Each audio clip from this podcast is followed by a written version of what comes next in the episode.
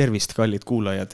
Võhkarite episood number kolmteist, see on see õnnetu number, on nüüd käes ja enne veel, kui täielikult alustame, lihtsalt ütlen, kui hea tunne on olla tagasi stuudios ja teha seda saadet stuudios, kus on hea, turvaline ja keegi ukse taga ei peksa.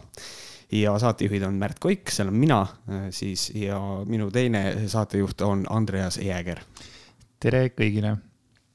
nii on, tagasi omas väikeses kuudis väike, väike kuubik. kui, kui kuut on, aga kas sa oled meil niisugune ebausklik äh, vend või? tegelikult ei ole.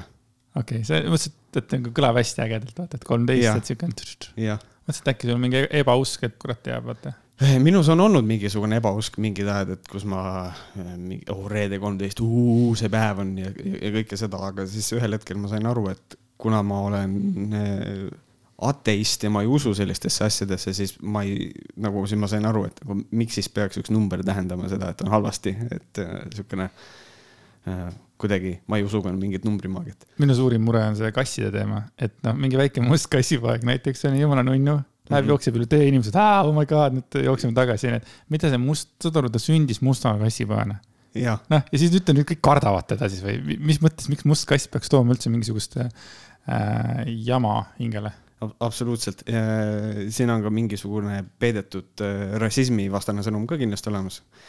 Äh, aga ma nägin kusjuures mingit meemi, äh, mis oli see, et see, kui must kass läheb üle tee, see ei tähenda, et midagi halba juhtub, see tähendab, et kassil oli vaja kuskile minna mis on täiesti loogiline nagu väga, väga armas ja tore sihuke väike.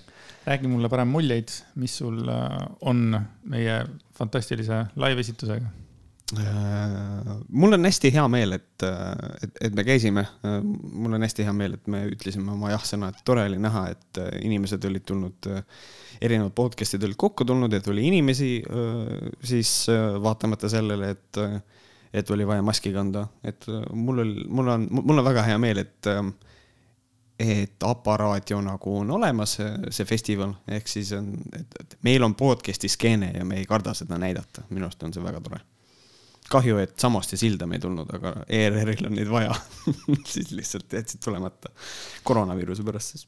ja iseenesest äh, me käisime ka Aparaadio jutustab podcast'il külas, kus me rääkisime ka sellest festivalist ja oma muljetest. Äh, mingil põhjusel veel see saade ei ole üleval, aga me kindlasti anname teada, kui on. Äh, ja kui te juhuslikult ikkagi ei ole kuulnud meie live-salvestust, siis see on ka osana üleval, kuigi ma ei tea, mis põhjusel te seda ei ole kuulnud võib-olla mõndadel inimestel on juba harjumus, et nagu üle nädala kolmapäeviti tuleb saade, et siis mm. kuidagi see on vahele jäänud, et äh, minge nüüd sips tagasi ja kuulake seda, et äh, tuli väga vahva ja meeleolukas happening või Happening. Äh, jah, siin ongi, kusjuures minuga võttis ühendust üks, nimetame teda muusikuks, sihuke Tartu bänd nagu Desert Queen. kitarrist sealt, kellega meil oli kunagi, selle bändiga oli üks koostöö läbi teatri Mustkast ja siis tema küsis mu käest, et äh, Messengeris, et kuule, et millal te neid salvestate, neid saateid, siis ma ütlesin, et ei noh, need hakkavad, need ongi üle nädala tulevad põhimõtteliselt kolmapäeviti välja ja siis ta ütles, ma panen endale kalendrisse kirja. et äh,, et siinkohal veel väikene tervitus ka Mihkel Maidlale ja tervele Desert Queenile otse loomulikult. kas Mihkel Maidla on tuttav nimi, on võimalik? no ta on ikkagi kuulus Tartu bänd, Desert Queen, see on, ongi, ongi tuttav. Okei okay., äh, mina leidsin huvitava Youtube'i äh, konto siis nagu see on Ann Vaida, sa oled kuulnud arvatavasti, üks äh, Eesti naiskoomik. hästi, hästi hea, ma arvan, et üks parimaid. ja tema teeb seal sihukest Youtube'is nagu saadet nagu Poliitika nädal, mis on selline, mis hästi haakub minu arvates meie podcast'iga ka mm. -hmm. et ma usun, et sihtgrupp võib sama olla, et sihukene, nad on siuksed väiksed viis kuni kümme minutit videod ja nagu humoorikad, et ma täitsa nautisin neid. okei okay., cool, väike shout out. tegin ka shout out'i. Nice liigume siis nüüd selle eelmise live-salvestuse juurde, kus me rääkisime Hando Tõnumaast. jah, sellel on nüüd põhjus, nimelt äh, kiire meeldetuletus, Hando Tõnumaa tuleb välja, on äh, pettur, võlgur või võlgur-pettur. Võrukael. Võrukael et, et äh, ja siis Hando Tõnumaa siis tegi väikese vastuse, kommenteeris seda asja, et kuidas selle asjaga on ja, ja Hando Tõnumaalikult äh, on see asi päris naljakas, see vastus, et ühesõnaga noh, üks näide. et kahe tuhande neljateistkümnenda aasta alguses korraldas Laanpere, see on siis see investor, kes neisse äh, nagu raha investeeris ja kellel on siis võlgu Tõnumaa vist viiskümmend tuhat või mis ta oli et Lambere korraldas kohtumise siis kahe EKRE noorega, kellest üks oli Jaak Madisson ja tegi ettepaneku, et suure lugejaskonnaga Telegram võiks hakata kajastama EKRE tegemisi ja kui EKRE saab Riigikogusse, siis tuleks ka nii-öelda eh, tulust, eh, osa tulust Telegramile. ja sellele siis Ando Tõnumaa siis ütles, et kindlasti ei mis tähendab seda, et Telegrami üritati poliitiliselt siis kallutada nii-öelda siis sellise nagu EKRE poole, investori poolt. kas see on ebaseaduslik? ei ole äh,. ei ole ebaseaduslik, küll aga, mis ta on, on minu arust sügavalt ebaeetiline, isegi võttes arvesse, et tegu on alternatiivmeediaga. kõige armsam selle juures on see, et EKRE noor, kellest üks oli Jaak Madisson, et noh, saad aru, Jaak Madisson on Eurlo, Erlo, Jeesus, Europarlamendis ja, ja siis ta oli kunagi noor, kaks tuhat neliteist, see kõlab veits, veits naljakalt, aga eks nad kõik alustasid noortekogust, ma arvan, Kaalepid ja, ja Jaak Madissonid um,. nüüd on jälle küsimus, et kas, kas, kas see on tõsi? kusjuures, aga vaat kõige nõmedam asi ongi nüüd, mis puudutab Telegrami Hando Tõnumaad, on see, et, et kas see on tõsi, sest et ma ei, ma ei usalda teda aga ma arvan, et on. see tundub loogiline. see tundub loogiline, absoluutselt. et, äh, et investorina sa nagu lükkad äh, raha mingisugusesse sinna sisse ja siis üritad natukene võib-olla mõjutada, et rääkige sellest, et sure, ma, ma, ma tegelikult usun teda, et mm -hmm. see võib võimalik olla, sest et minus on nagu see kild ka, et Hando Tõnumaa võib-olla on tõepoolest, võttes arvesse, mida ta räägib, eks ole äkki ta ütlebki asju täiesti, tal ei ole mitte mingit filtrit ja siis ta lihtsalt ütles selle välja ja ma usun, et see on tõsi, jah no seal on veel fakte, et äh, pool aastat hiljem viis ta meid kokku ärinaise Kersti Krahtiga, kellest on tänaseks saanud EKRE ministri nõunik, kes samuti pakkus Telegramile võimalikku rahalist toetust, kui muudame Telegrami sisu ja avaldame talle ja tema kaaslastele sobivaid artikleid. vastasime taaskord ei. ehk siis hiljem on nagu konkreetselt tulnud nagu just see, et võimalik rahaline toetus, kui avaldatakse sisu, mis on sobiv, noh, mis on ilmselge otsene nagu mõjutamine, eks ole. et, et jällegi nõme, Kersti Kracht, kes tunneb ära perekonnanime Kracht, siis äh, suunan siit inimesed vaatama minu videot, mis ma tegin äh, pealkirjaga need Covidioodid. et seal on üks äh, selline inimene nagu Jaja Shivani Kracht äh, tal on eesnimi eestipärane ka olemas, aga ma ei mäleta, mis see on, et see on Kersti Krahti tütar. Ja siis tema tütar on see, kes levitab äh, uhkelt äh, sellist äh, koroona, on suur koroonaskeptik ja, ja kuidas ma ütlen, on levitanud valeuudist, et tema näiteks levitas väga tugevalt seda, et Tallinn pannakse lukku, seda, seda lugu. ja siin on nüüd see nüanss ka, et nii palju, kui mina tean, siis tegelikult äh, Jaja Shivani Krahti ja Kersti Krahti suhted on väga pekkis, üks nagu, äh, et seal on nagu mingisugune must kass, näed, ma kasutasin seda musta kassi, seal on must kass vahelt läbi jooksnud. aga et ühesõnaga, et, et kellele see nimi on tuttav, siis, siis seal on selline side. väga informatiivne mm. -hmm. ja ma lugesin seda, et Kersti Kracht siis kohe oi-oi-oi, et alternatiivmeedia, mis on nagu naljakas, sellepärast et vist ikka Jaja Shivani Kraht on ikka käinud Telegramis ka läbi ja sellega, et ta nagu võitleb ikka õigel poolel ja, ja kõik siukene asi, aga see on jällegi huvitav asi ja siis ähm, mis mulle meeldis, et kahe tuhande viieteistkümnenda aasta aprillis ilmus meie suureks üllatuseks ajakirjanduses info, et Telegram hakkab EKRE häälekandjaks. kinnitasime BNS-ile, et sellist kokkulepet ei ole ja ei tule.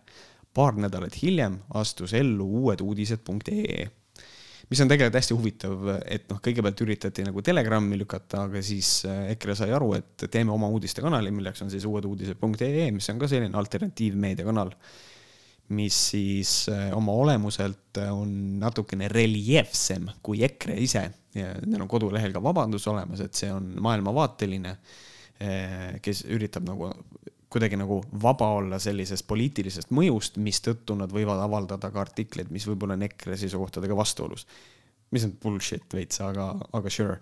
ja noh, aga sellega nad vabandavad seda, et nad on reljeefsemad seal natuke kõvema sõnakasutusena, näiteks äh, trigger warning äh,, racial slur, aga paraku niimoodi on, et äh, uued uudised, neil on olemas täiesti tag, sa saad otsida, tag on neeger ja neegrid et, et noh, mis mis on nagu eriti nõme, et on lugu mingisugusest mustanahalistest, keda kuskil noh, on ja siis tag on neeger. et, et noh, sihuke sait on, on uued uudised, ehk siis kuhu ma nüüd tahan selle asjaga jõuda, on see, et, et Hando Tõnumaa toob nüüd ne, sellised näited välja, mis on väga olulised, see on väga olulised infokillud on need, tõesti ehm,. aga juttu ei ole absoluutselt sellest, et kas ma olen tegelikult ka võlgu või, sellest ei räägi üldse.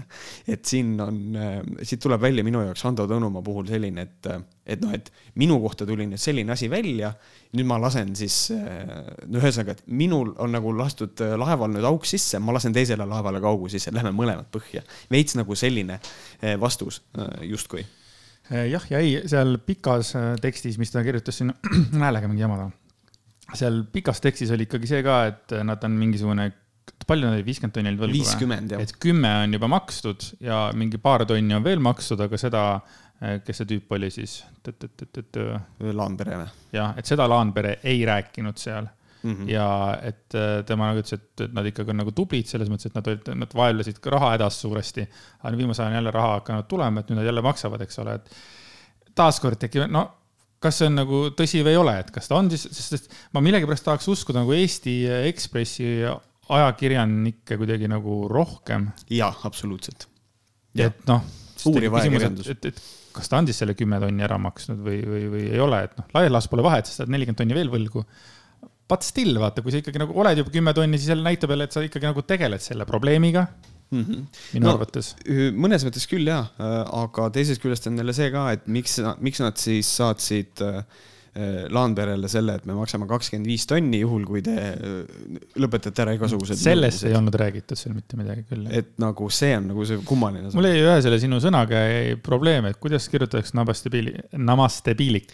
ma ei oska, ma ei, ma veel ei tea, kas see on T või D-ga. jah, mina kirjutasin ühele kommentaari alla, ühele kommentaarile alla tugeva T-ga mm. -hmm. sest et ma proovisin nõrgaga, aga see kuidagi namaste-piilik ka ei kuidagi ei olnud, et. ma arvan, et see võiks olla Äh, see ikkagi vist peaks olema T-tähega, et namaste säiliks. ma ei, ma ei, ma ise arvan seda, aga mul no, oli abikaasaga, namaste piilik, ilmselt T-tähega, sest me, me abikaasaga vaidlesime ja siis ta oli ka, et, et ta ei oskagi öelda, et vist võib T-tähega olla, kuna see on selline noh, ikkagi, ma ikkagi räägin eesti keele filoloogiga asjad läbi, aga, aga ta ütles, et vist on T-tähega sobib. okei okay aga võib-olla võtaks siis esimese teema, milleks on siis täiesti praegusel hetkel, ma ei tea, meie eh, uudis, uudismaastikul ja poliitmaastikul ja eh, igal pool mujal katuserahadest räägiks natukene. siis seda, et eh, suurima osa saab abordivastane MTÜ nimega Elumarss, mis siis tegi väga palju, väga palju pahameelt sest et nad said väga palju raha ja siis said pärast veel juurde, sest et äh, MTÜ Unger Khan, mis on mingi Sinise Äratuse liikmete äh, mingisugune asi, millel väidetavalt ei ole Sinise Äratusega mitte mingisugust pistmist, kuigi need on samad inimesed, siis äh, nemad ütlesid ära oma sellest neljakümne viie tuhande eurosest toetusest sellepärast, et meedia on laimanud seda inimest, kellest äh, taheti seda kuradi kuju, kuju teha, mis nad tahtsid, see on täiesti okei okay.. mis, mingit laimu seal ei olnud, aga noh, äh, kui sa oled nats, siis äh, ongi, kui keegi ütleb sulle, kui sa oled nats ja keegi ütleb sulle, et sa oled nats näiteks, siis ongi laim kohe. et aga, ja siis sealt läks kolmkümmend tonni veel juurde sellele abordivastaste MTÜ-le, mis on. seega sada seitsekümmend üks tuhat eurot. sada seitsekümmend üks tuhat eurot äh, MTÜ-le, mis räägib sellest, et aborti ei tohiks teha. nagu, mis on ka nagu see huvitav narratiiv kogu selle asja juures on see, et äh, EKRE nagu räägib sellest ja Keskerakond ja nad kõik, et noh, et me ei keela aborti ära, aga samal ajal see raha, äh, elumarss ikkagi oma olemuselt on abordivastane et äh, nagu ma siin ka ise ütlesin, et nad arvavad, et, et noh, et see MTÜ arvab, et aborti ei tohiks teha, aga nad on ikkagi abordivastased, et nagu selles mõttes, kui neil oleks võimalus abort ära keelata, ma arvan, et see MTÜ vähemalt ütleks, et jah, keelame ära nagu, et ärme, et ärme tee aborti. ja see on minu arust äh, haige, et, äh, et, et et see MTÜ sai kõige rohkem raha, ma ei tea, ja praegu on uudistes, mina näen seda, et Toidupangal on probleem, et nagu võiks rohkem raha olla ja siis toetused kuidagi paned nagu kõrvuti, siis nagu täpselt ei saa aru. aga on sul meeles, mis on saanud varem neid samasuguseid suuri toetusi? sest no. hästi nagu harva pudeneb neid üleüldse nagu, kuhu nad mujale läks, seepärast ma kuulsin, et noh, või noh, uudistes räägiti ka seda, et sotsiaaldemokraadid said ka kolmsada tuhat mhm. laiali jaotatud, et yeah.. Mm, et kuidas nagu siis nagu see, ma saan aru, et see on ilmselgelt kõige nagu lollakam asi, kuhu nagu raha anda, aga, aga kuidagi ma ei näe seda, et kuhu ülejäänud raha on läinud noh, siin on niimoodi, et see ülejäänud raha on, ERR-is on olemas terve see pikk nimekiri. minu arust on. kas sa vaatasid läbi, jah? ma olen natukene, see on mul praegu ees ka, et siin on üsna tore, on, on nagu see, mulle meeldib, et toetuse saaja esimene on MTÜ Elumarss ja teine on Türi vallavalitsus okay. ja see on nii armas. ja siis on Moskva patriarhaadi Eesti Õigeusu Kiriku Jõhvi eh, Jumala ilmumise kogudus. ja siis on Kaitseliit. ja et ühesõnaga siin on eh, noh, siin on, siin nimekirjas on hästi palju igasugused kogudused. Eh, ja siis noh, näiteks Eesti Jahimeeste Selts, et noh, need, need on hästi palju. Neid erinevaid kuidas ma ütlen, ettevõtteid ja asju siin. aga, aga et siis ongi noh, natukene, kui nüüd küsida, et kus need on eelmistel aastatel on need rahad läinud, siis tuleb tunnistada, et äh, ega ma täpselt nagu ei teagi, aga võttes arvesse seda, kui, kui tiltis on Varro Vooglaid kogu aeg olnud, siis ilmselt on see läinud mingisuguste LGBT ühingutele, eks on seda raha ilmselt läinud ja nii edasi. Et ähm, et noh, nende katuserahade jagamine üldse on minu arust natukene naljakas asi, mida tehakse, et äh, Samoste Sildam ütlesid, et eks ta natukene korruptiivne raha on niikuinii kogu aeg, see katuseraha, et pigem võiks, noh, sellest saab loobuda, sa saad nagu loobuda, et sa ei anna katuserahasid. mulle meeldis see loogika nagu, et me lähme, no tähendab siis nagu poliitikud lähevad siis meie rahaga meile kosja põhimõtteliselt. mm. -hmm, ja see ongi see, me räägime kuue koma viiest miljonist eurost, mis äh, jaotati lihtsalt suvaliste äh, asjade vahel, mis inimestele lihtsalt meeldis, et noh, ei ole vaja mingeid avaldusi teha, et ma kujutan ette, et seal on mingisuguseid sadu äh, mingeid organisatsioone, mis vajaksid mingisugust tuge või mida iganes, eks ole. noh, nende, need on suva, vaata. Mm, avaldused võib-olla kuskil seisavad kuskil, aga praegu need oh,, ma mõtlen, et kuule, paneks sinna annaks veits sinna, annaks sinna.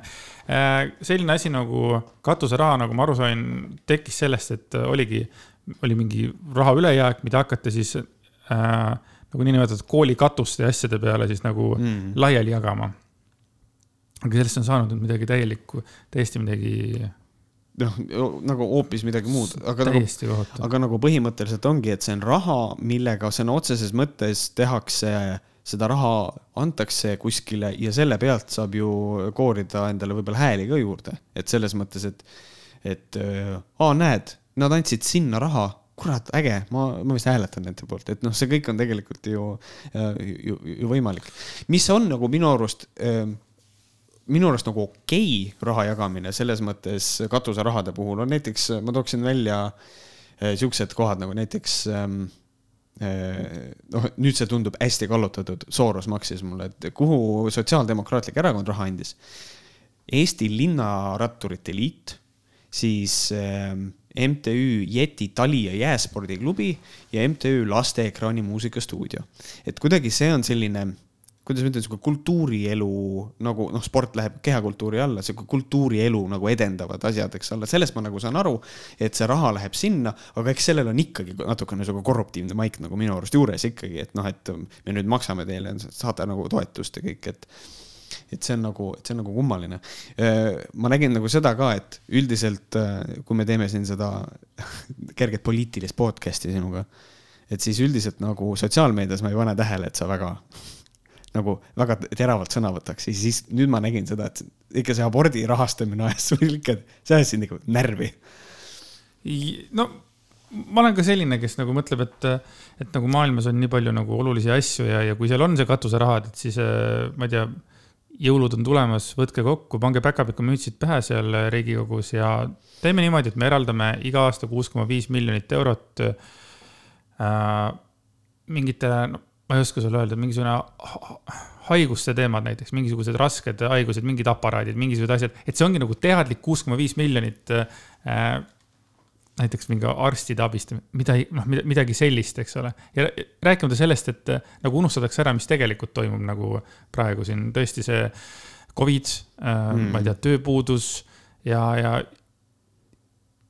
ongi nüüd majanduslangus, kõik asjad, eks ole, et aga ei, viskame nagu seda raha mingisugusesse sellisesse MTÜ-sse, mis tehti mingisugune umbes pool aastat tagasi, kus on kaks. neli kuud. jah, kus on kaks fucking liiget. neli kuud tagasi, jah. ja mida, mida me siis nagu anname, no loomulikult Varro oli ka muidugi siin jälle ärples. absoluutselt muidugi mm Varrol oli, Varrol oli see probleem, et see, see Varro puhul nii imelik on see, et tema näiteks nimetab igasuguseid MTÜ-sid ja asju, mis äh, noh, näiteks võtame mingi MTÜ, ongi mingisugune no need, paneme nad kõik selle vikerkaare katuse alla, ütleme, et see on nüüd mingi LGBT agenda, mingid mm -hmm. erinevad MTÜ-d. ta nimetab neid võltskodaniku äh, ühendusteks või mingisuguseks puukühinguks alati aga MTÜ Elu Marss on täpselt samasugune MTÜ. ja, aga ta ju ei ole Elu Marsiga seotud, et ta ju, me isegi ei läinud siin Elu, Elu Marsile sinna isegi esinema, et tal peaks, tal peaks mingi beef olema Elu Marsiga või? aga ta on üsna vaikne selle kohta. see beef on neil hästi lihtne, põhimõtteliselt äh, beef on see, et Elu Marsi sõnum on ebaselge. Et äh, nagu ma olen korduvalt seda vist öelnud ka siin saates, et Varro on palju, kuidas ma ütlen äh,, nagu radikaalsem inimene kui näiteks äh, noh, on need abordivastased, eks ole. et tema arvab, et tuleks ära keelata, et see on laste tapmine, punkt aga nagu EKRE puhul on see, et seal on natukene sellist nagu sihukest leeway'd, et noh, natukene oleme natuke pehmemad ja ma leiangi seda, et äh, Varrole ei meeldi teatav see pehmus, mis on nagu EKRE-l ikkagi, et tema arvates võiks olla reljeefsemalt, paneme paika, see on laste tapmine, punkt. ja seda peaks niimoodi ka lihtsalt keelama ära, minul on küll sada protsenti selline. aga noh, jälle oli naljakas näha, kuidas tema jälle jagas seda Tervise Arengu Instituudi reklaami, sa ei võta kumm kaasa, jälle ja, siis ironiseeris jälle. selle üle ja, ja, ja siis mul oli jälle seesama, sama mõte nagu alati, no jaa, aga, aga, aga noh, abort, abort on ju nagu siis tulemus selles mõttes, et abort ei ole nagu põhjus, et nagu, et hakkame siis nagu neid põhjuseid nagu tükeldama, see on väga, väga okei okay,, et võta kumm kaasa, esimene asi. kui sa ei taha saada last, eks ole, aga tahad äh, seksida, väga mm. äge, tõmba kumm peale, siis ei ole ju, siis ei, siis ei ole ju võimalust äh, äh, lapsi tappa, kui Jep. kumm on peal, nagu see nagu, see on nii vastuoluline on see tema loogika ka nagu, et mida sa nüüd sellest jah, aga noh, siin ongi lõpuks ei saa seda nagu mingis mõttes ei saa seda rünnata, sellepärast et äh, ta räägib mingisugusest äh, moraalist ja mingisugusest kõlbelisusest, mis on nagu sellised terminid, mille puhul ei saa äh, reaalselt noh, et lihtsalt, kui sa seksid paljude inimestega, siis sa oled amoraalne ja see ei ole kõlblik käitumine ja siis see on nagu, mis mind kõige rohkem kogu selle asja juures ärritab. muuseas, rääkides sellest, et kõlbeline ja moraalne asi siis äh, väikene vestlus kahe inimese vahel, üks on Kadri Vilba, vist kuidagi EKRE-ga seotud inimene, kes siis Facebookis ühes kommentaaris kirjutas äh, sellist asja ma ei hakanud artiklit lõpuni lugemiseks ennast registreerima, kuid mind huvitab väga, kas lesbid on paksud seetõttu, et nad on lesbiks hakanud või siis paksud naised hakkavad tõenäolisemalt lesbiks. kumb on kumma põhjuseks? oota, kes see inimene on üldse, kes seda äh, kirjutas? Kadri Vilba. kes ta on? Facebookis suvaline? Some, some cunt okay.. ja, ja, ja Varro Vooglaid vastas selle kommentaarile. ilmselt toimib asi nii üht kui ka teistpidi.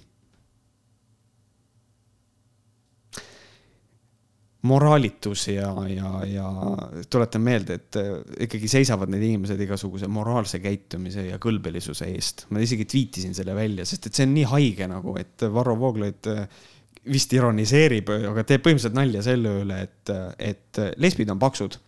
ja ongi nagu, nagu what the, what the fuck nagu lihtsalt sellised inimesed siis on, räägivad meile, et. mina arvan, et tegelikult EKRE võib üks hetk nagu hakata endale jalga tulistama ja võib-olla see ongi see jalga tulistamine ka, mida nad praegu, mida nad praegu teevad, et see on jälle selline teema, mis võib-olla seda päris nagu sihukest EKRE valijat võib-olla nii palju ei koti, see abordivastasus, kui on mingisugused mm. muud teemad. et küll, äkki ka EKRE valijad lõpuks vaatavad, et kuule, need on ka nagu täitsa, täitsa nagu mõttetu teema juba, et. mõtlevad samamoodi, et ma ei tea, mul see sae, saekaatris oleks saage vaja ja mida seletate, mis, mille, millele te annate seda raha, eks ole. ja Martin Helme siis on ka öelnud siis niimoodi, et Elu Marsi toetuse ettepanek on EKRE fraktsiooni ettepanek, väga hea ja ilus asi. Meil on täielik õigus toetada eelarve kaudu tegemisi ja ettevõtmisi, mis on kooskõlas meie maailmavaate, väärtuste ja valijate ootustega. kui vasakpoolsed ja vikerkaarevärvilised saavad seda teha, miks ei võiks üks konservatiivne erakond seda teha? vastust muidugi teame, eks ikka sellepärast, et vasakpoolsed lähtuvad oma kuldreeglist, meile on kõik lubatud, teistele mitte midagi, kirjutas Helme siis ja see tõesti käib utsi see, see, see, see, see, see, see loogika jälle, kus hakkab jälle pihta, et ei no nemad teavad ja siis on, me oleme varem ka rääkinud, see ohvrimentaliteet jälle hakkab mulle ajama seda sitta siin. jah, see on, see on nagu hästi kummaline, on nagu see argument, et, ähm, et vasakpoolsete kuldreegel on see, et mis on, äh, mis on, et, et, et nagu vasakpoolsetel on lubatud ja teistel ei ole lubatud, mis on nagu see, et vastupidi, nagu selles mõttes kui oleks, kui see summa oleks, me oleks sada seitsekümmend üks tonni andnud näiteks Eesti LGBT ühingule, onju. kas siis parempoolsed ei oleks mölisenud selle peale või? loomulikult oleksid. mölin on niikuinii, vastaspool, kellele töötatakse vastu, loomulikult ta nagu kommenteerib seda. lihtsalt meil on, millega Martin Helme vist noh, raudselt kindlasti ta teab seda, aga see jätab sellise mulje, et ta on, et ta on nii loll inimene, et ta ei saa aru, et. Eesti mõjukaim. Eesti mõjukaim mees, by the way ja siis, et ta, ta, ta justkui nagu ei saa aru sellest, et ühiskonnas on väga palju vastasseisu sellele valitsusele, mis meil praegu on. et nagu see lihtsalt, aga, aga, aga, aga niimoodi ongi ja mõnes mõttes ma tunnen seda, et see, et nad veel kolmkümmend tonni panid sellele MTÜ-le juurde Mm -hmm. ma arvan, et see oli meelega. oligi, aga ta ju ütles ka seda kuskil, et, et liberaalid on teinud kogu aeg, nüüd meie võtsime, tegime kolmekordselt umbes tagasi yeah,. Yeah. ja siis oli see küsimus, et jah, aga miks on vaja siis mingeid gruppe siis nagu nüüd nagu siis nagu nussida neid või midagi, et kas see on siis nagu valitsus eh, ja ministri nagu siis töö, et noh, noh, hakkame mingisugust osa nagu rahvast nussima siis või? et vahet ei ole, mis see Reformierakonnad ja Keskerakonnad need on, aga, aga ma nagu ei mäleta, et oleks olemas lausa mingisugune, ma ei tea, kildkond inimesi, kes nagu ongi, te olete debiilikud, te, te, me ei koti. tuleb sul nagu midagi meelde, aga, aga selle EKRE-ga nagu on niimoodi mm. -hmm. ja, ja kas ja. tõesti abordi äh, vastasus siis ongi nagu kooskõlas nende maailmavaatega, nende maailmavaatega. ma ei ole küll läbi lugenud, aga kas seal on, kas see on nagu mingisugune siis pikaajalisem teema või um,? kas on? vist, ega vist nagu väga ei ole. see Elumarss, mis oli seal, just oli ka Martin Helme, eks ole yeah.. noh, ikka lähed sinna, sest tead, ma ei, ma võin eksida, aga minu arust see tädi, kes seal, see boss on seal Elumarsil, et ta on ka EKRE-st Äh, jah, ja, ja ta jätab mulle ka õudselt tankisti mulje, et ta on kuidagi pandud mingi MTÜ otsa, mis, mida juhitakse prollise raha ja kõik need ideed ja see kõik. ma arvan, et tuleb kuskilt Poolast, eks ole, tuleb koos sama ideepagasi ja see zip-fail, kus kohas on kõik need asjad, millest te võiksite rääkida, mida te võiksite teha ja et need on. ma ei usu, et see tädi on ette lükatud, ta tundub võib-olla natukene liiga, samas jah, jah see, see võibki olla, miks ta võib olla ette lükatud. võib-olla küll, jah. küll aga, mida ütleb Martin Helme, on see, et meil on täielik õigus toetada eelarve kaudu tege-, tegemisi ettevõtmisi, mis on kooskõlas meie maailmavaate, väärtuste ja valijate ootustega. siis samas mul on sellele hästi raske vastu vaielda.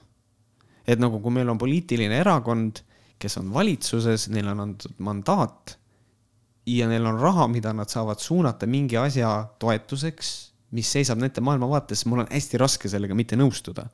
selles mõttes, et ma pean nagu, kui meil oleks mingisugune erakond, mida mina näiteks väga pooldan, eks ole, oleks valitsuses ja teeks sellise sammu, siis ma arvan, et ma ei vigiseks nii palju aga täpselt samamoodi keegi teine möliseks, et miks see raha sinna läheb. aga on... Martin Helme oli see mees, kes ütleb, et katuserahad tuleks ära kaotada et nüüd ei saa, ei saa seda ka nagu nüüd ära unustada.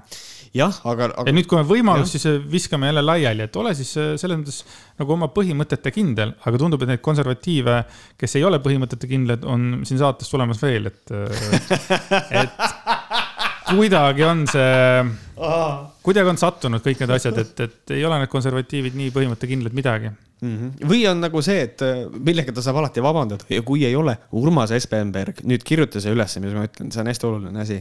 et äh, anna nagu PR-is teada, et lihtsalt EKRE kasutab katuserahade kasutamise võimalust ära enda tarbeks lihtsalt. et see on, et neile ei meeldi tegelikult katuserahad, aga kui juba jagada, siis ikka omadele. Mhm. geniaalne ähm ma võt-, siin oli üks väga huvitav küsimus oli, tähendab, tegelikult oli terve artikkel oli selle mm -hmm. Elu Marsi juhatuse liikme Liidia Hõbesalu, tema ongi siis see põhitegelane seal mm. -hmm. ja seal oli üks küsimus, mis mulle nagu kuidagi eriti tekitas ja, ja. rõõmu ja siis nagu vastus tekitas rõõmu. küsimus oli siis, ja kuhu te panete nende õigete ja piibellike väärtuste juures need noored, kes tunnevad huvi või saavad aru, et ongi pigem LGBT ühingute poolel? et nad ongi sündinud sellisena, mida te, mida te nende noortega teete saan aru nendest väga hästi. meil ja mul ei ole midagi nende inimeste vastu, sest nad on täpselt sama väärtuslikud ja täpselt samamoodi väärtustatud ma isegi olen uurinud natukene seda teemat. jah, on olemas võimalus, et see on päritud geneetiliselt, aga kristlasena olen juba nelikümmend aastat olnud kristlane. olen näinud seda, et ka see geneetiline ahel on võimalik purustada Jumala abiga. inimene võib saada vabaks kommenteerime ära ja siis äh, võtame järgmise poole edasi. et ähm, mulle meeldib, mulle, mulle meeldib õudselt see, et äh,, et see mõte, et, et need LGBT inimesed on siis sama väärtuslikud ja samamoodi väärtustatud kui teised inimesed tema silmis. aga see on kindlasti ainult teatud maani. abielluda me neil ei lase, siis tuleb kindlasti mingisugune, aga neil on võimalus abielluda sam-, nagu vastassoost inimesega, neil on see võrdsus olemas mm. -hmm. no abielu ei tähenda seda ainult, abielu võiks tähendada, et ma abiellun inimesega, keda ma armastan, kellega ma tahan koos elada.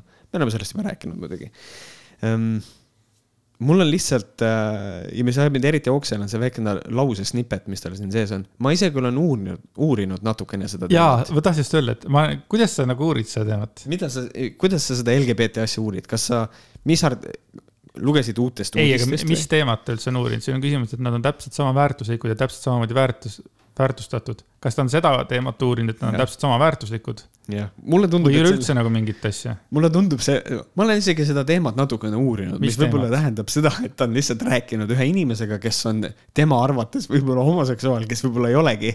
et, et lihtsalt, et see on hästi huvitav näide. ja siis selline ja ta on ta... näinud seda, et ka geneetiline ahel on võimalik purustada jumala abiga. kas, kuidas ta on näinud? see on tõesti huvitav, et oli üks äh, homoseksuaal ja ta nägi seda pealt, kuidas jumala abiga ta muutus heteroks. jah, ta nägi pealt, kuidas see geneetiline ahel purustati, mis, äh, ma ei tea, et, et siis nagu, kas tal oli mingi hästi võimas mikroskoop ka. aga põhimõtteliselt on see, noh, see jutt, et äh, jah, on olemas võimalus, et see on päritud geneetiliselt, ta siis viitab nagu sellele, et ma juba kujutan ette, mis artiklit ta lugenud on, et on olemas tegelikult hüpotees, et et kui homoseksuaalne inimene saab lapse, siis on suurem tõenäosus, et tema eh, järeltulija on ka homoseksuaalne. ehk siis on, et on võimalus, et see on võib-olla pärilik. mis, mis tegelikult on asi, mis lööb absoluutselt kõikide, kui see oleks tõsi ka nagu ja kui see on, tuleb välja, see on tõsi, noh, see on hüpotees hetkel, aga see lööks täielikult uppi konservatiivide mõtted, aga lihtsalt saage lapsi, homod ei saa lapsi, et nad peaksid hoopis lapsi tegema. see lööb selle totaalselt uppi sest et lihtsalt. kõigi homo, igal homol on oma, oma isa. more gay people.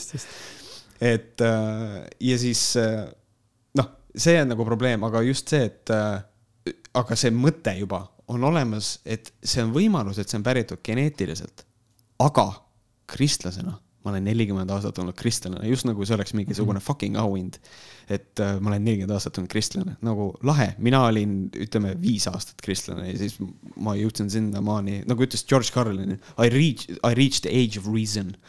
ja siis äh, ma jõudsin nagu, et olen nüüd ateist aga just see geneetiline ahel on võimalik purustada jumala abiga. kas see tähendab seda ka, et kui ma nagu väga palvetan ja jumal, ma olen, ma teenin jumalat nelikümmend aastat, siis minu laps sünnib ja on papagoi.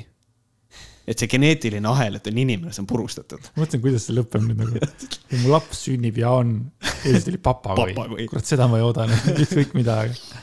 et lihtsalt Jaa, lendab minema. tundub, et see ikkagi on võimalik jumala abiga purustada, see ahel. just, aga see viimane lause, inimene võib saada vabaks the fuck does that mean? et nagu, kui ma olen gei, et siis ma olen nagu orjastatud, mille, nagu, las ma arvan, ma olen kire poolt orjastatud siis midagi sellist või, või on mind orjastanud saatan who compels me to fuck boys nagu mingi. ma pigem arvan ikkagi, et see on saatan. pigem vist on saatan, jah. ja, sest et see on ebaloomulik, nagu on öelnud paljud konservatiivid. Äh, jätkab, ta jätkab oma fantastilist mõttekäiku. aga seal on ka teisi põhjuseid, miks inimesed on valinud selle tee. esiteks, kui juba väga noorelt hakatakse nende ajusid loputama just selles vanuses, kui inimene alles otsib oma identiteeti, kui ta on noor. Noored tahavad ju põnevust, olla keegi. ja kui neil ei ole võimalust, kui ainult see aju loputamine, et kui soovitatakse neile, et sa võid ise valida omale sugu ja ise otsustada, kes sa oled, siis selles vanuses on inimene väga-väga mõjutatav. ja kui ta võtab ära, võtab selle vastu, siis sellest on pärast väga raske vabaneda. ta võib tunda ajutist õnnetunnet ähm,. esiteks, et ähm, ma, ma nüüd ei oskagi et ma, ma, ma võib-olla ründaks kohe seda, et inimene võib ise valida. jaa, see on sugu. esimene asi, mis tuleb võtta kohe. et ähm, et minu arust on hästi kummaline, et kui me räägime LGBT-s teemadest üldse praegu, siis esimese asjana võetakse kohe ette see soo valimise narratiiv, kohe aga me räägime ka, me räägime ka inimestest, kes on geid. me räägime nendest ka, seal ei ole soo vahetamisega mitte mingisugust pistmist mm. -hmm. ma nüüd ei tea, lugupeetud konservatiivid, kas te nüüd palun saaksite hästi hoolega kuulata. kui inimene on homoseksuaalne, siis see tähendab seda, et ta huvitub äh, romantiliselt ja seksuaalselt inimestest, kes on temaga samast soost. ehk siis see ei ole nagu soo vahetamisega otseselt nagu seotud ma tean, see on hästi keeruline aru saada, sellepärast et ei ole koolis käinud.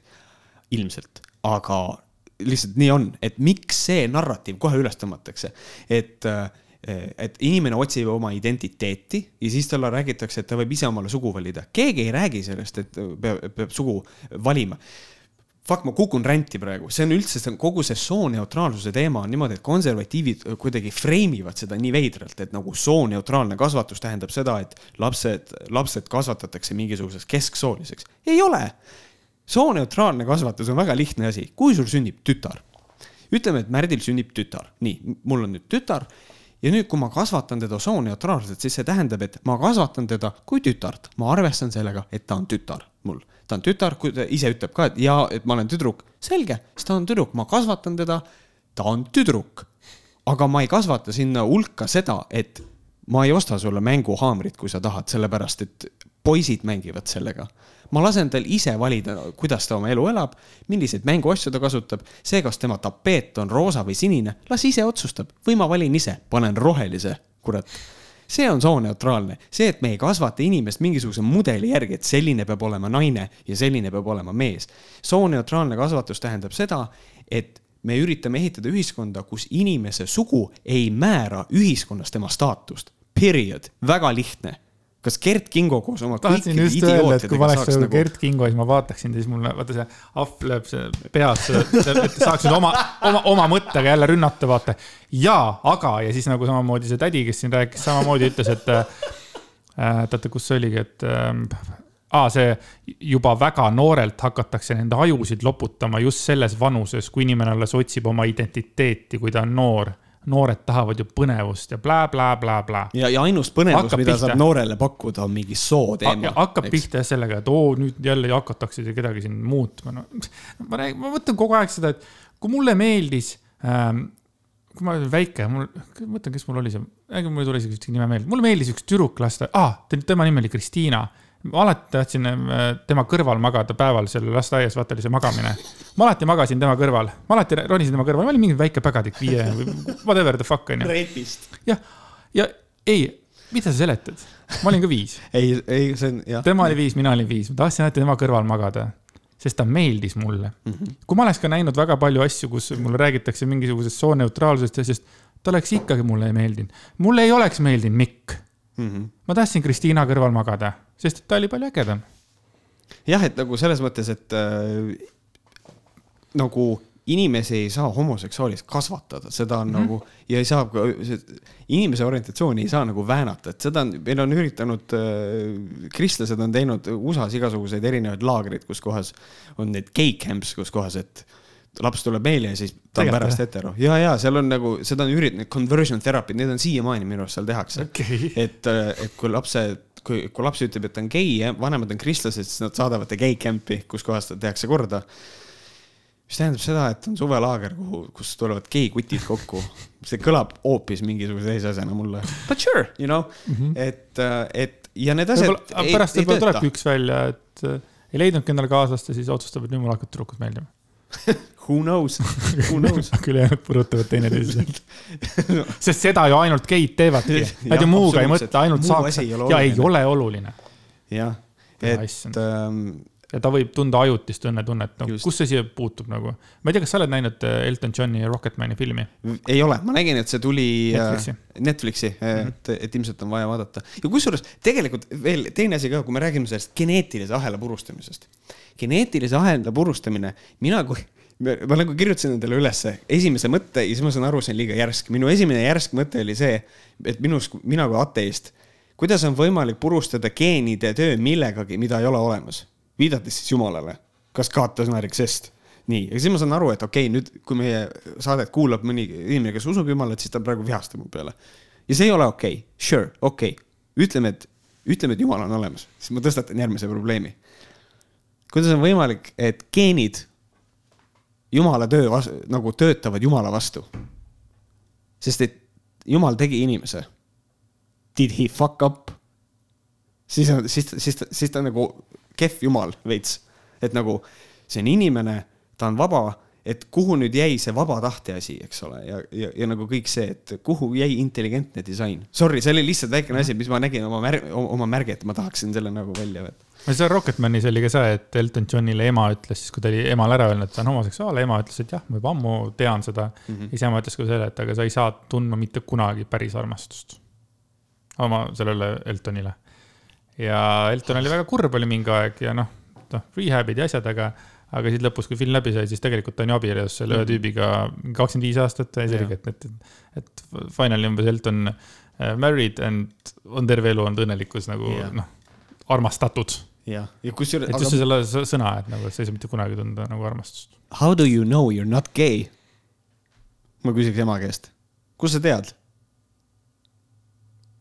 On ju tegelikult. oota, ütle uuesti. et how do you know you are not gay? ma ütleks emale selle peale. sa ei tea ju. Et noh, what the hell mis asja um,. ja siis uh, ma võtan viimase lõigu nüüd enda peale. et uh, ta räägib edasi oma head tarka juttu, et uh, nad võivad leida seda armastust, aga see kõik on ajutine. noh, mis on just seesama, millest me just rääkisime. ja jälle viitan sellele tulevikule ja tagajärgedele, mis selle tulemusena nad võivad kogeda. see on kurb teiseks ma usun seda, et taeva ja maa looja, seesama, kes on loonud inimese ja loonud inimese meheks ja naiseks, siis see on tõde. teistsugune ühendus lihtsalt ei toimi. ja kui inimene tahab muuta seadusi, siis ta võib muuta seadusi, aga see, mida Jumal on nagu paika pannud, siis seda ei ole võimalik muuta. Jumala sõna ei ole kirjas ainult piiblis, vaid Jumala sõna on kodeeritud maapinda, õhku, vette. kogu loodu allub talle me nimetame seda loodusseadusteks, aga need on jumala seadused. ja, aga samas sellised nagu äh, laused panevadki mõtlema, et äkki ta ei ole ikkagi nagu ette lükatud, sellepärast ta tundub olevat nagu sügavalt usklik. või väga hästi briifitud. või väga hästi briifitud. Äh, pluss see, et nagu tegelikult sellist äh, nagu ajakirjanik nagu seda teemat hakkas üldse puudutama, onju, ja nüüd on nagu täiesti kaugema, kaugel läinud juba sellest abordi Äh, vastasest äh, sellest, mis oli jalutuskäik, see elumarss, eks mm -hmm. ole. et nüüd, nüüd tulevad hoopis mingid teised äh, mõtted sellelt naisterahvalt, et nüüd on jälle nagu see homo, homovastasus ja see ei ole loogiline ja kõik see, et mm. -hmm et see jah, võib ikkagi olla mingisugune, saad aru, ma kogu aeg muudan meelt praegu. ma, ma mõtlen ära, et okei okay,, see ei ole mingisugune tööriist. siis sa ütled midagi, kurat, see on vist tööriist. Might be jah, et noh, et siin on, et noh, nüüd, nüüd me tähendab abordivastasus ja homovastasus ja kõik see, mis on minu isiklik probleem selle kõigega, on see, kui inimesed kasutavad, noh, mida ta siin teeb, on see, et ta kasutab religiooni kilbina. see on see kilp, jumal on niimoodi teinud. noh, tähendab, ma olen selle saate kontekstist, ma olen seda juba nii palju öelnud, ma jätkan, pohhui. kuigi jumalat ei ole olemas. aga põhimõtteliselt minu probleem on nagu selles, et kuidas sa saad öelda, et et äh, okei okay,, on, inimene on loodud meheks ja naiseks, okei okay.. aga transsoolise, see põhimõte ongi see, et ta on sünni poolest mees, aga ta tahab olla naine. ja siis, kui ta tahab oma elu naisena elada, siis ta on ju naine, siis ta ei ole ju. et siis ongi mees ja naine, et ta ongi naine nagu esiteks. teiseks, äh, et teistsugune ühendus lihtsalt ei toimi. aga toimib ju, me ju näeme seda, et toimib aga ei saa aru, kust selline nagu tuleb nüüd? et, et nad võivad kogeda armastust, aga see on ajutine. How do you know you are not gay? et noh, see, me jõuamegi ikka, ikkagi nagu sinna. aga, aga, aga noh aga heteroseksuaalid samamoodi võivad tunda armastust ja võivad ka mitte ju. absoluutselt, selles mõttes, kui palju meil on, toome siukse, siukse peremudeli, mida on Eestis väga palju, kus kohas traditsiooniline pere näiteks, isa käib tööl, ema on lastega kodus. ja isa hoolitseb selle eest, et lastel oleks hea, et naisel oleks hea, teenib raha. aga ta peab selle nimel nii palju tööd tegema, et tal ei ole aega kodus lastega aega veeta. ta kasvab oma naisest nagu lahku, lastest lahku, normaalset armastust seal taga ei ole. kas see on siis see mudel, mida me tahame või? Et ma saan aru, Varrol on hullult hea, Varrol on aega oma lastega tegutseda, sellepärast et tema raha tuleb suure tõenäosusega, ma arvan, kuskilt Poolast, eks ole, talle kogu aeg makstakse. ajab oma, tema ei pea mitte midagi muud tegema, kui ajama oma seda propagandat, mida talle ette kirjutatakse, ma arvan. ja siis lihtsalt tal on nagu hea, aga, aga teised inimesed samal ajal, teised konservatiivsed mehed, nemad peavad tööl käima. aga naine ei saa tööle minna, sest et siis ei ole õige pere, vaata, noh see on nii, see on nii. pluss jälle see, et kuus koma viis miljonit äh, anti igale poole laiali, aga näiteks äh, tõesti naised, kes saavad igapäevaselt kolki ja lapsed, kellel ei ole vanemaid ja et noh yeah. pluss siis nagu ma alguses mõtlesin ka, et mingisugused äh, vähi, vähiliidud ja mis iganes asjad, mis on nagu päriselt olulised asjad mm. -hmm. et ja siis anti kahele naisterahvale lihtsalt mingisugune, et tehke oma marssi ja tehke mingit propagandat juurde nüüd siis või. väga õigel ajal tuli see nagu, tuleb varsti see rahvahääletus, eks ole, noh muidugi, kui tuleb, aga noh, see selleks, sinna ka võime jõuda veel. et siin ongi nagu see asi, mis on minu jaoks oluline, et võib-olla selle asemel, et toetada aborte, võiks toetada näiteks ühte asja, mis on äh, abortidega seotud. lastekodusid võiks toetada, et meie lastekodudest tuleksid välja indiviidid, kes saavad äh, äh, täisväärtuslikku elu kogeda. Võib-olla võiks seda raha sinna suunata. see on täpselt nagu ütles George Carlin, mis on see, et Äh, kõik siuksed konservatiivid ja kristlased, nad õudselt seisavad selle sündimata lapse nimel. aga once you are born, you are on your own. ehk siis nii kui see laps ära sünnib, siis on pohhui siis on täiesti suva, mis tast saab, on kuskil lastekodus, mida iganes. ma nagu minu, minu seisukoht on väga lihtne, see on see, et kas abordid võiks olla keelatud või kas haigekassa võiks rahastada aborte, nagu ta praegu teeb, onju. Mhm. siis mina olen selle poolt, davai teeme niimoodi, et abort on vaja inimesel ise kinni maksta, haigekassa ei toeta seda ainult ühel tingimusel. kui me suudame üles ehitada ühiskonna, kus kohas iga tahetud ja tahtmata laps saavad elada täisväärtuslikku elu ja saavad normaalse hariduse, saavad normaalsed võrdsed võimalused ühiskonnas nagu kõik teised, siis ma olen nõus, siis võtame selle rahastamise abordi küljest ära. aga niikaua, kuni me seda ühiskonda ei ole which is never gonna happen mm, -hmm. siis, äh, siis Haigekassa võiks seda asja rahastada. väga head mõtted. et, äh, et see on ja üldse ja meil on jumala seadused, aga mulle meeldib see, et ta ütleb välja, ta ütleb välja selle, et kui inimene tahab muuta seadusi, siis ta võib muuta seadusi. jaa, aga ta nagu väga ei taha ju lasta. näiteks, et noh, abielluda ju geid ju ei või. et selles mõttes see on hästi kummaline, et, et kas oleks, et meil on nagu meil on see ilmalik võim ja see vaimulik võim, need on nagu lahus, et äkki seda jumala seadusi siis, kui me räägime Eesti Vabariigi seadustest, võib-olla siis ei ole mõtet seda sinna sisse suruda. et ikkagi nagu ärme sega seda eh, inimeste ja jumala seadusi, loodusseadusi omavahel kokku et, eh, et nagu selles mõttes, siis ma kirjutasin endale sellise mõtte, et, et need jumala seadused, et Liid ja Hõbesalu võib rõõmsasti kodus elada nende järgi. et, et ongi, et ela kuidas tahad et aga miks sa pead lehvitama selle oma elu, oma, oma elustiiliga? et äh, miks sa ronid teiste inimeste magamistuppa? hästi tuttav retoorika, eks. nagu räägiks konservatiiv homoseksuaalidest. Fuck you, lihtsalt reaalselt. ja, lähme edasi äh,, lähme edasi äh, kirjaga, mis uh. haakub väga hästi selle teemaga, mis meil on äh,. ma võtan siis kirja. tere ma olen teile jube tihti kirjutama hakanud, aga ma ei saa vaiki olla ja kuna mu mõtted ühtivad teie omadega suures osas, siis pean teiega enda nördimust jagama. Eestis on esindusdemokraatia ehk inimesed, kes osutuvad valituks, esindavad meid ja meie mõtteid teoorias. noh, vähemalt peaksid, eks. kui tuli välja katuseraha saajate nimekiri ja abordivastane liikumine sai sada seitsekümmend kilo eurot siis naised tundsid, et see on üsna loll ja samm abordi keelustamise poolde. seega otsustasid mitmed inimesed äh, et nüüd peaks häält tegema, näiteks feministide grupid. Nad hakkasid kirjutama Riigikogu liikmetele kirju. ma muidugi ei tea, kas stiilis issand, debiilikud, kari, võtke mõistus pähe, idioodid või viisakas stiilis. üks näide seal oli ja see tundus küll viisakas ja normaalselt põhjendatud. selle peale tegi Jürgen Ligi Facebooki postituse et kui hakatakse nõudma, et hääletataks millegi vastu, siis on ta olenemata oma isiklikust arvamusest, hääletab kiusu pärast selle poolt. mainita veel, et seda teevad mitmed, sama info liikleb Tarandi kohta, üldiselt sellest teemast ta arvamus ei loe, siis see on ikkagi lollus. Äh, kui sind on valitud, et rahvast esindada, siis ehk teeks seda, eriti kui inimesed siiralt tunnevad muret ja kirjutavad ja paluvad abi. Äkki Riigikogu pole koht, kus rahvast avalikult kiusata. see teema ajab mind lihtsalt nii närvi ja tekitab muret, keegi ähvardab, et kui saan veel kirju, siis hääletan nimelt teisiti. Äh, edu teile, lugupidama, lugupidamisega Berit äh, põhimõtteliselt see kiri, seal on mõned mõtted, mida ma võib-olla tahaks nagu kommenteerida, et kui ta ütleb, et Eestis on esindusdemokraatia ehk siis inimesed, kes osutuvad valituks, peavad nagu, et nad esindavad meid siis me ei tohi ära unustada ühte väga tähtsat asja, mida ma õppisin, mul on väga selgelt meeles, kuidas seda rõhutas minu eh, ühiskonnaõpetuse õpetaja härra Serglov, eh, kus kohas ta ütles seda, et poliitikud saavad rahvalt mandaadi, aga poliitik on oma mandaadis vaba.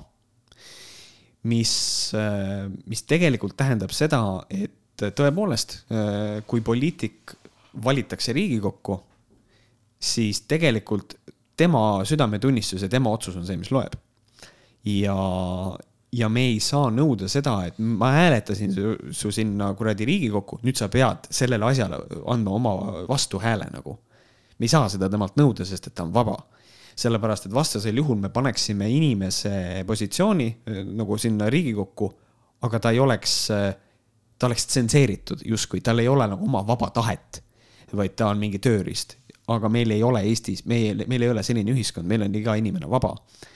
et siis see vabadus on ka mandaadisisene, et nagu seal on nagu see probleem loomulikult, kui sa tood mulle selle näite, et olenemata oma isiklikust arvamusest häälestab, hääletab ta kiusu pärast selle poolt.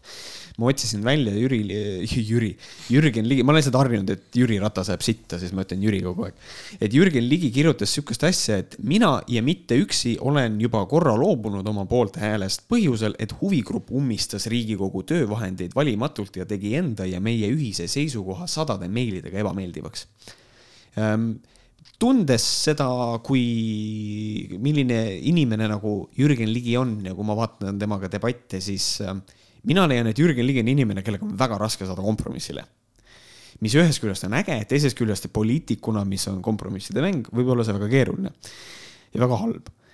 Äh, aga ma võib-olla ei võtaks väga tõsiselt seda, mida ta ütles, aga teisalt ma tunnen, et ta võib olla selleks võimeline. et ähm, et siin ära on. kaaguta, ütleks ta sulle selle peale. ta ütleks mulle selle peale, et ära kaaguta. aga üldiselt äh, mul on hästi kahetised tunded, et selles mõttes puht inimlikust perspektiivist, kui mul on oma seisukoht ja, ja ma saan iga päev näiteks mingi kakskümmend meili, on ju, mis ütlevad, et nüüd tee nii, tee nii, tee nii. loomulikult tekib trots, ma saan sellest aru, see on täiesti inimlik. et nagu, kui sul iga, kui sul tänaval iga inimene, kes vastu tuleb, ütleb sulle, et nüüd kõnni teisel pool tänavat sa ei lähe teisele poole tänavat kõndima nagu. et äh, noh, nagu milleks, fuck off, nagu ma kõnnin siin teie kiuste nagu. et nagu selles mõttes eh, nagu ka Jürgen Ligi oma seal Facebooki kommentaariumis ütles, et noh, et kogu see meilide asi, et see oli organiseeritud. tegelikult arvan, et see on nõme, sihuke pommimine nagu et äh, küll aga on mõned teisest küljest me jälle nagu kiidaks seda sellepärast, et väga tugevalt on näidatud meelsust. aga fakt on selles, et mõned inimesed ei oska oma meelsust viisakalt väljendada. ma arvan seda, et Jür-, et Jürgen sai nii väga mitu, väga mitu kirja, mis oli lihtsalt, et no nii värdjas. ma olen täiesti kindel selles ja nagu see tekitab kõige rohkem trotsi, et pigem on asi nagu selles, et meil on see suhtlemisstiil ka nende poliitikutega üsna nagu sitt. aga sellele aitavad poliitikud oma selle praeguse suhtlusstiiliga ka väga tugevalt kaasa et selles mõttes, et äh, ma saan nagu sellest, ma saan sellest pahameelest aru, et oh, meil on inimene, kelle me hääletasime ja ta ei tee nii, nagu ma tahan, aga tegemist on vaba inimesega, kes hääletab nii, nagu ta tunneb, et ta tahab hääletada. lõppude lõpuks. True võtame järgmise teema ja, ja järgmine teema on kindlasti kõige vahv, kõige vahvam nagu äh, uudis juba viimaste, ma ei tea, nädalate, kuudega. et siis äh, tabati üks selline äh, Brüsselis oli, tähendab, mitte, alustame otsast peale. Brüsselis äh, on selline asi, et seal ei tohi pidada suuri äh, pidusid, kuna ja. seal on noh, Covid you know, seal COVID, on nagu kõvemad, kõvemad reeglid, et mida teha ei tohi äh,. siis seal naabrid vist, nagu ma aru saan, kuulsid, et ilge möll käib, kutsuti, kutsuti politsei ja siis. ja põhimõtteliselt äh, paljud mehed põgenesid äh, nagu pöörased ja umbes, nagu ma aru sain, siis umbes kakskümmend viis meest oli siis äh, osalenud niinimetatud seksiorgial või kurat teab, võib-olla niisama orgia et see ei ole ka, noh, ei ole, ei saa öelda, et võib-olla nad lihtsalt olid seal paljad. võib-olla nad olid lihtsalt paljad. võib-olla nagu mingi. rääkisid geopoliitilisest olukorrast no,. Come on, jõusaalis ka mehed istuvad saunas, suur saun, kakskümmend viis inimest. aga see, et nad sealt põgenesid ja siis seal oli sihuke vahva mees nagu Jošef Šajer, kes oli siis Ungari äh, diplomaat ja tema siis jäi äh, vahele sellega, et äh, noh, ta püüti kinni ja siis tal oli veel kotis oli ekstassid ja siis ta oli sellest mis on see vihmaveetorust oli siis mm. alla nagu äh, lasknud ennast ja käed olid ka verised, et noh, üritas nagu ära põgeneda. ja võib-olla muidu ei oleks see nagu tekitanudki mingisugust äh, suurt furoori üle maailma. aga tema oli konservatiivne mees, kes tegelikult aitas ka läbi viia Ungari põhiseaduse muutmise, milles seisab nüüd säte, et Ungari kaitseb abielu kui ainult mehe ja naise vahelist institutsiooni ja Fideszi vastumeelsus LGBT kogukonna suhtes on üldteada, mis tähendab, et see on sama vend, kes kirjutas sisse seaduse, et äh, seadusesse, et äh, abielu on mehe ja naise vaheline asi ja põhimõtteliselt äh, ta vihkab pederaste. ja mis mm -hmm. nüüd sai? ta oli kahekümne viie mehelises orgias, kus põhi, suure tõenäosusega ikkagi arvatavasti toimus suur möll et ühesõnaga, et jäi vahele sellega, et ta oli nagu, käis geiorgial võt-, vaatamata sellele, kui suur geivastane ta on. Ja siin äh, nüüd ähm, põhimõtteliselt äh, e-, esimene asi võib-olla, mida ma tahaks öelda, oleks nagu see, et äh, mulle väga ei meeldi võib-olla see, et, et kõik irnuvad selle üle, et ta on nagu gei aga samas väga paljud inimesed peaksid aru saama ka selle üle, et inimesed naeravad seda, kui silmakirjalik ta on, et sa nagu ühest, nagu sa räägid juttu ja käitud täiesti risti vastupidile. et nagu me ei naera sellepärast, et ahaa, ta on gei, see ei ole, that's not the point.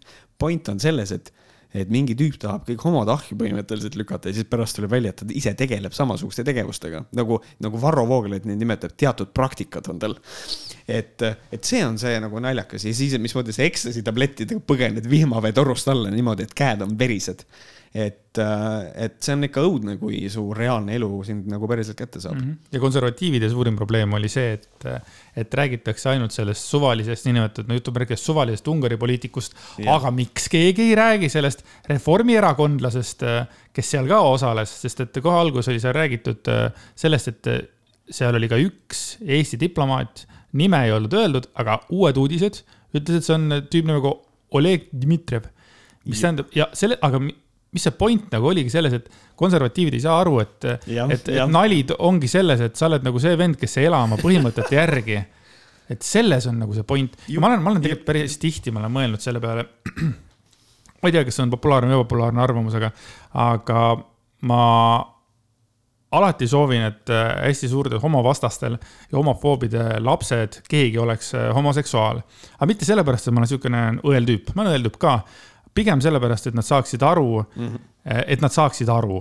jah, et nad, no mõnes mõttes see avaks selle võimaluse, et nad saavad rääkida lähedase inimesega, kes, kes on selle kogukonna esindaja ja võib-olla aru saada Just. asjadest. see on oluline mm -hmm. nagu, aga ja, ja põhimõtteliselt ongi, et, et see on, et see on hästi naljakas selline, et nagu põhimõtteliselt tüübid nagu kuidas mina seda näen, uued uudised, mis ta tegi, noh, nad äh, avalikustasid selle Reformierakondlase nime. et see on nagu põhimõtteliselt nagu, see on nagu malemäng, on ju. ja siis sa teed äh, täiesti, täiesti arusaamatu sammu malemängus.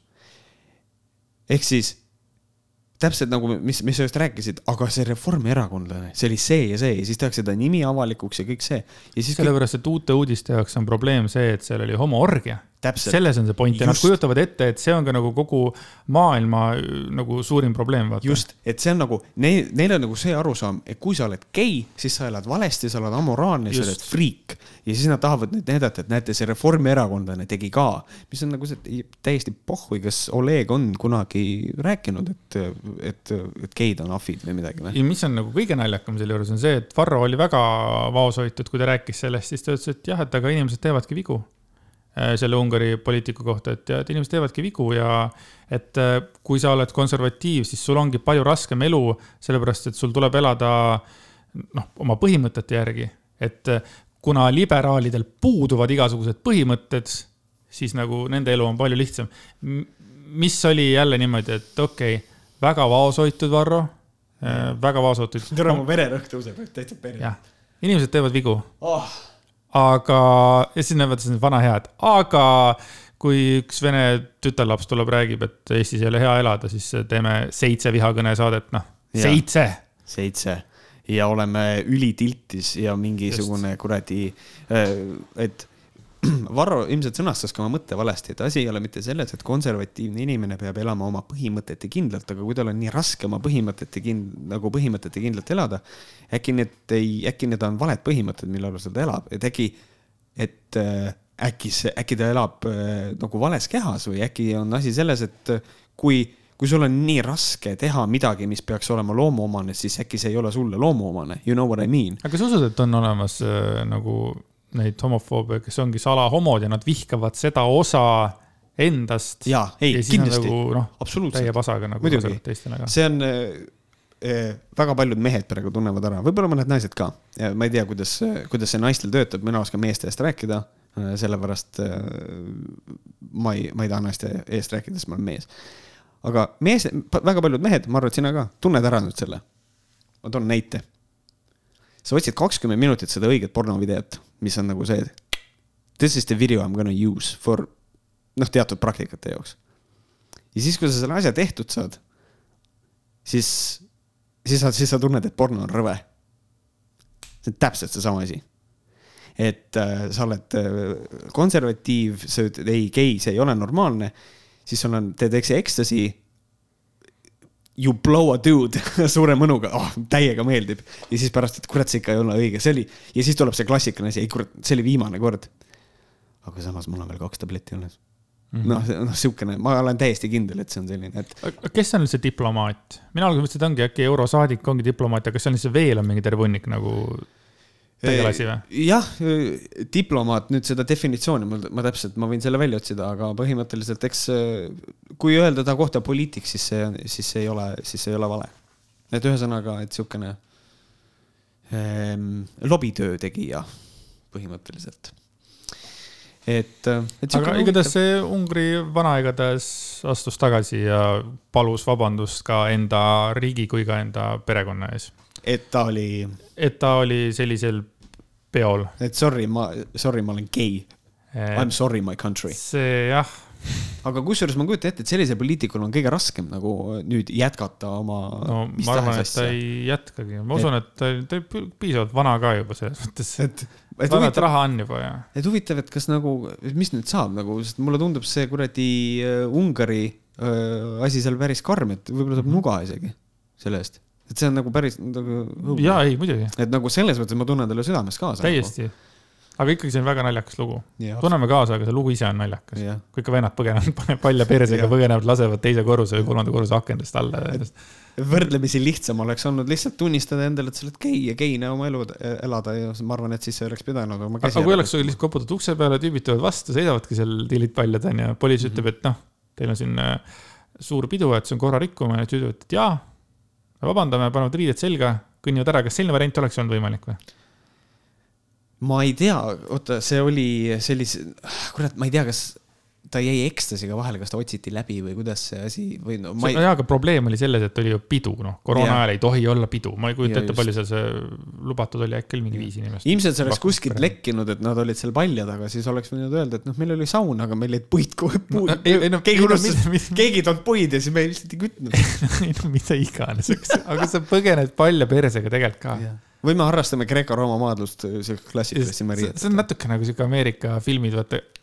igas Ameerika filmis, kui, kui naine pettis oma meest ja mees tuli koju, siis alati tüüp jooksis, kas kaks varianti, kas ta läks kappi ja oli kapis mm -hmm. ja siis pärast jooksis välja või siis kui aknast välja, siis ta kõndis umbes kapp, seal katuse peal palja persega nagu yeah., tõmba see püks jalga või midagi, ei yeah., ikka see on nagu naljakas, vaata.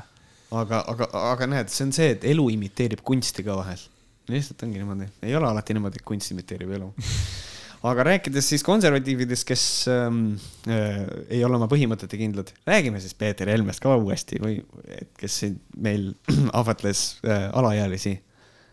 teate küll, see mees, kes ütles, et ka kaheksa-aastastega on täiesti normaalne, et seksitakse. et ühesõnaga siis äh, Harju maakohus mõistis äh, lapse ealise seksuaalses ahvatlemises süüdistatud äh, Peeter Helme äh, siis tingimisi, tingimisi vangi, ühe aasta ja nelja kuu pikkune vangistus kaheaastase katseajaga. muide, nüüd on siin kirjutatud ilusasti, et süüdistatud Postimehe endise peatoimetaja. absoluutselt, see on. et, et see on lahe, ERR ilusasti kirjutas selle välja. jah.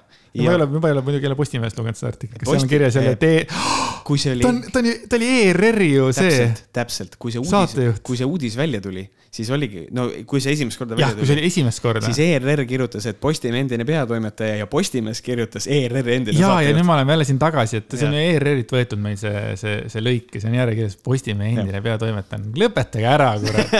võtke nüüd ka nagu. lihtsalt öelge, et oli teil ka majas. see on okei okay.. ega teie süüdi ei ole selles mõttes, et tema nagu pedofiil on. aga jah, aasta ja neli kuud siis nagu äh, tingistu- ting,, tingimisi. just, ja siis kaheaastase katseajaga, mis tähendab, et ta põhimõtteliselt ei lähe kinni. aga, aga eh, ah, ja siis on oluline, et eh, Helme peab katseajal järgima kontroll, kontrollinõudeid, osalema sotsiaalprogrammis, mille eesmärgiks on tema süüdistuses nimetatud süütegude edasine ärahoidmine. ja, ja põhimõtteliselt, mis on oluline info, mis, mis nagu välja tuli, minu arust sellest enne ei räägitud aga need vestlused siis selle, kuidas ma ütlen, ma ei taha kasutada sõna nuhk, aga see politsei agent, kes mängis last mm. -hmm et neid vestlusi ei provotseerinud meie politseiametnik, kõiki vestlusi algatas Helme. Helme oli see, kes alati alustas juttu seksuaalsetel teemadel mis on oluline info ja siis äh, mida nagu ütles Peeter Helme, see oli ka, mida ma nägin, ma nägin, kuidas see tema suust välja tuli, tähendab, nüüd ma valetan, tal oli mask ees, aga põhimõtteliselt ma nägin, kuidas see läbi tema maski tuli. kus ta ütles, et mina arvasin, et Eesti riigis on kõikvõimalikud mängud kahe täiskasvanu vahel lubatud. minu meelest on see küsimus äh, natuke ka selles, kas inimesed võivad omavahel teadlikult rääkida ükskõik millest või mitte. praegune otsus ütleb seda, et justkui meil pole et meil oleks sõnavabaduse piirid. Peeter Helme, mine putsi see on nagu konkreetselt, see on nii klassikaline pedo defense, et see on see, noh, see on vana hea, see oli, see oli rollimäng. kes on kunagi vaadanud äh, Chris Hanseniga sihukest saadet nagu Dateline, kus kohas ta pedofiile püüdis, siis seal oli kogu aeg see, et. Äh, ega seda Netflixis ei ole? Äh, ei, aga Youtube'ist leiab ülesse okay,. Cool. Et seal on olemas kõik need klassikalised katsed on see, et noh, et ma tulin, ei, see oli rollimäng, ma arvasin, et ta on täisealine tegelikult, et see puhas rollimäng, et nagu online'is võib, see, see ei ole päriselu, see on, et see on, see on virtuaalne asi.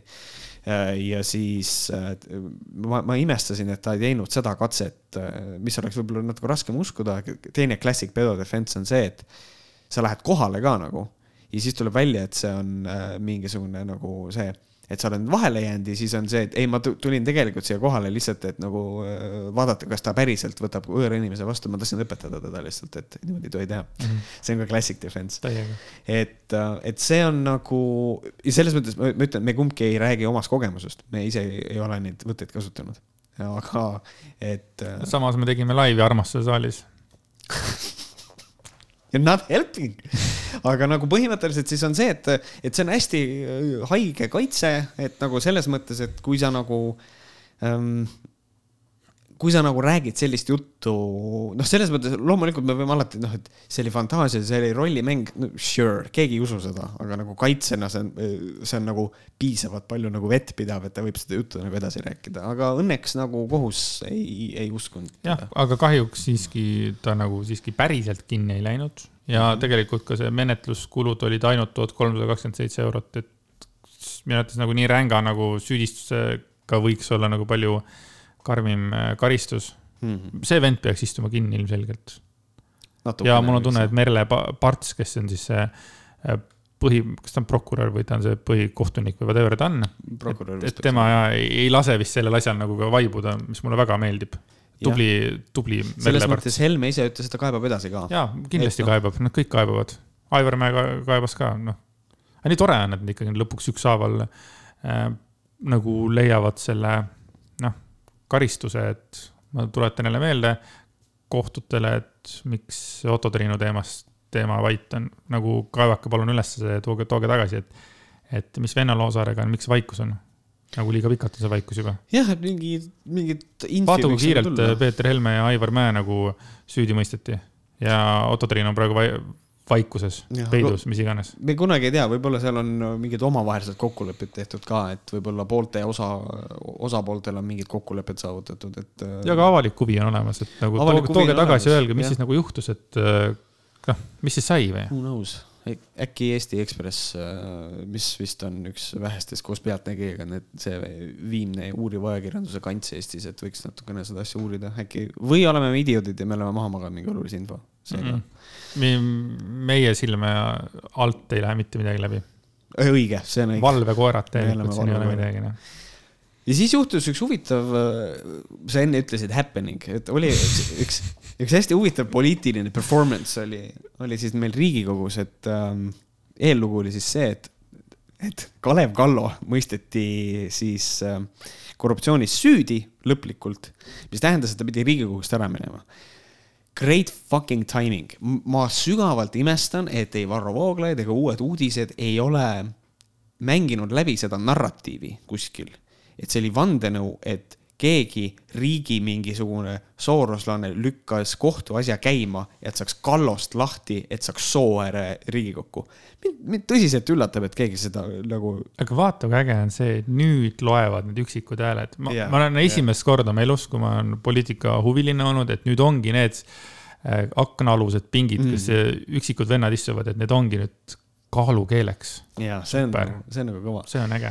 aga siis Imre Sooäär äh, otsustas Riigikokku äh, põhimõtteliselt ikkagi minna, pidas kõne ja kõne oli selline, et ühesõnaga Imre Sooäär uuris põhimõtteliselt välja, et mis ta õigused on, et kas ta võib kõnet pidada ja ta nagu ei näinud seda äh, ühtegi põhjust, miks ta ei tohi kõnet pidada ja siis teda üritas takistada Riigikogu esimees Henn Põlluaas korduvalt, kes lõpuks ta mikri välja lülitas, segas talle vahele mitu korda ja saalist hüüti talle igasuguseid asju, kui mikker välja lülitati, siis nagu aplodeeriti ja kõike. ja siis minu kommentaar sellele on ainult see, et minu arust on täiesti naljakas, mismoodi üks mees võib tulla ja noh, minu arust natukene see, seda oli, mis ta tegi, natukene trollida inimesi ja kui, kui fucking solvunud on täiskasvanud, täiskasvanud mehed nagu saalis, mingi, mingi saalist tuli, et issand jumal, kes see lumehelbeke nüüd on siis tegelikult, las räägib ära, mis siis on. Fuck it, kas sul on, kas, kas puhvetis saab konni osta, et tahaks nagu kiiremini minna või kohviisu on nii suur nagu, kuula ära. ei no, ei no reeglid. reeglid, reeglid, reeglid on nii. mida ta ei, mida ta ei murdnud, nagu ma aru sain ikkagi et, et nagu see on, et see on nii kummaline, lihtsalt täiskasvanud mehed nii solvunud, lihtsalt noh, fuck off, lõpetage ära nagu. täiesti huvitav vaatevinke, et kes see nüüd lumehelbek on, sa ei lase nüüd ühel vennal rääkida, mis ta siis nagu teeb, kas paneb yeah., manab kõigile mingisuguse loitsu peale siis nüüd, et yeah. kõik hakkavad nüüd. kõik koos... on geid, kui ma olen lõpetanud selle kõne, kõik on homod. aga Sooäär on siukene ma ei tea, miks ma karjuma hakkasin, aga, aga Soer on siukene omalaadne tüüp. ei, ta on väga omamoodi, jah. et äh, ma ei ole näinud temast mingit kasutegurit nagu siiamaani, et äkki ta lõpuks saab aru, et et, et temas ei ole olnud seda kasutegurit ja nüüd ta äkki tunneb, et temas on nagu see võimalus ja, ollagi mingisugune asi. ta on kaalukeel ja, või selles mõttes vist veel päris ei ole et äh, ja, vist on paar, paar, paar kaalukeelt on veel puudu, miks sul kaalukeeld on? aga see on, aga see on küll, et ma absoluutselt ei eita seda, ma kuulasin seda kõnet, mida ta pidas. See oli cringe natuke, absoluutselt, ma tunnistan, mulle ei meeldinud see, see oli cringe. aga selle asja tegi minu arust talutavaks ainult see, kui räigelt täiskasvanud mehed solvusid selle peale. ja, ja, ja, ja, ja saalis jälle. ma lihtsalt ei saa aru, aitab, aitab. ja siis ma pärast kuskilt, kas Õhtulehe artikkel oli, et siis Peeter Ernits oli pärast öelnud, et keegi oleks võinud talle koti pähe tõmmata. Jesus Christ, täiskasvanud mees. kusjuures kõige naljakam asi Peeter Ernitsaga, täielik kõrvalasi ta oli Tartus ükskord, ma tulin, ma tulin ise Tallinnast bussi pealt ja siis ma olin Peeter Ernits oli äh,, hakkas teed ületama. Foor oli punane ja siis ta põhimõtteliselt hästi aeglaselt astus samm edasi, samm edasi, ta oli tee peal juba.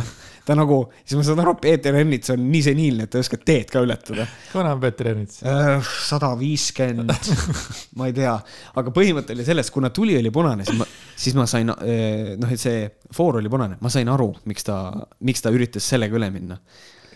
et äh, ta vihkab igasuguseid sotse, vaata, sotsid on kõnekeeles ju punased, vaata. ta vihkab punaseid nii väga, et isegi foori tuli, kui on punane, siis ta eirab seda nagu lihtsalt, lihtsalt sihuke asi tuli mul Peeter Ernitsaga meelde. on kuuskümmend seitse.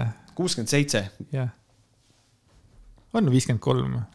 huvitav, et, huvitav, et minu vanemad on ka selles vanuserühmas, aga nad ei ole nagu, nad ei ole nagu idioodid.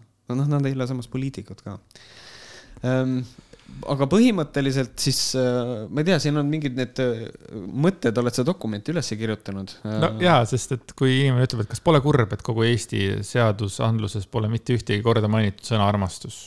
jah, meil on perekonnaseadus, millest paraku puudub perekonna definitsioon ja pole sõnagi armastusest. miks me ei julge välja öelda, et pere on armastusega loodud liit? miks kõlab tekstist läbivalt ainult kantseliit, kohustuste ja vastutuste jada? kuhu jääb armastus? kas see polegi oluline?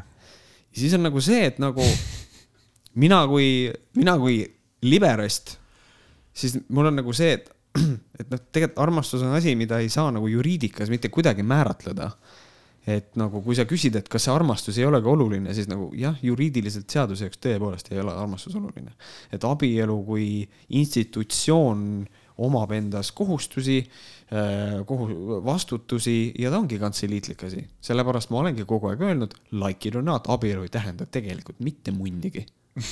kõik abielumees, kuidas sa niimoodi räägid? ma olen, ma olen ise abielumees ja ma ütlen seda, et abielu ei ole mitte midagi muud kui leping, mille sa sõlmid oma teise poolega.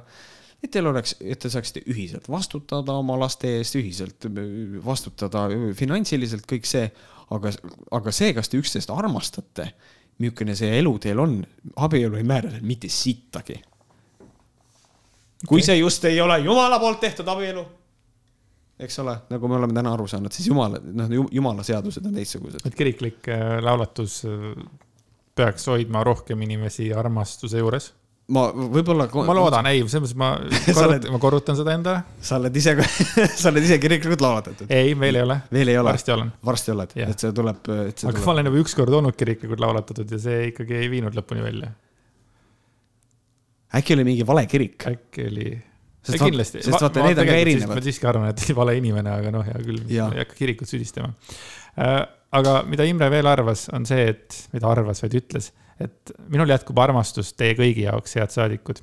jah, ma armastan ka EKRE-t ja kõiki nende valijaid, täiesti siiralt. Nad on samuti Eesti inimesed, pole nende süü, et osa meie rahvast on minevikus maha unustatud ja mõned liidrid on rahvale just sellise pildi reaalsust maalinud, nagu see neile kasulik on. ja sellega ma tegelikult olen nõus ma, ma ei mõtle selle, ma ei mõtle sellega, et ma armastan EKRE-t ja teda, vaid see, et nad on samuti Eesti inimesed ja pole nende süü, et osa meie rahvast on minevikus maha unustatud bla, bla. blablabla. absoluutselt, jah. sellega ma olen täiesti nõus. sellega ma olen nõus. see, kas ta armastab EKRE, EKRE-t, seda ma ei tea. no see on nagu see, miks ainult EKRE välja tuua siis vaata ongi, et noh, et. aga sellepärast, et Isamaa, samas Isamaa, tahtsin öelda, et Isamaad võiks ka ju nimetada, aga samas nad on täiesti mõttetud, et. aga, aga samas, who cares about Isamaa?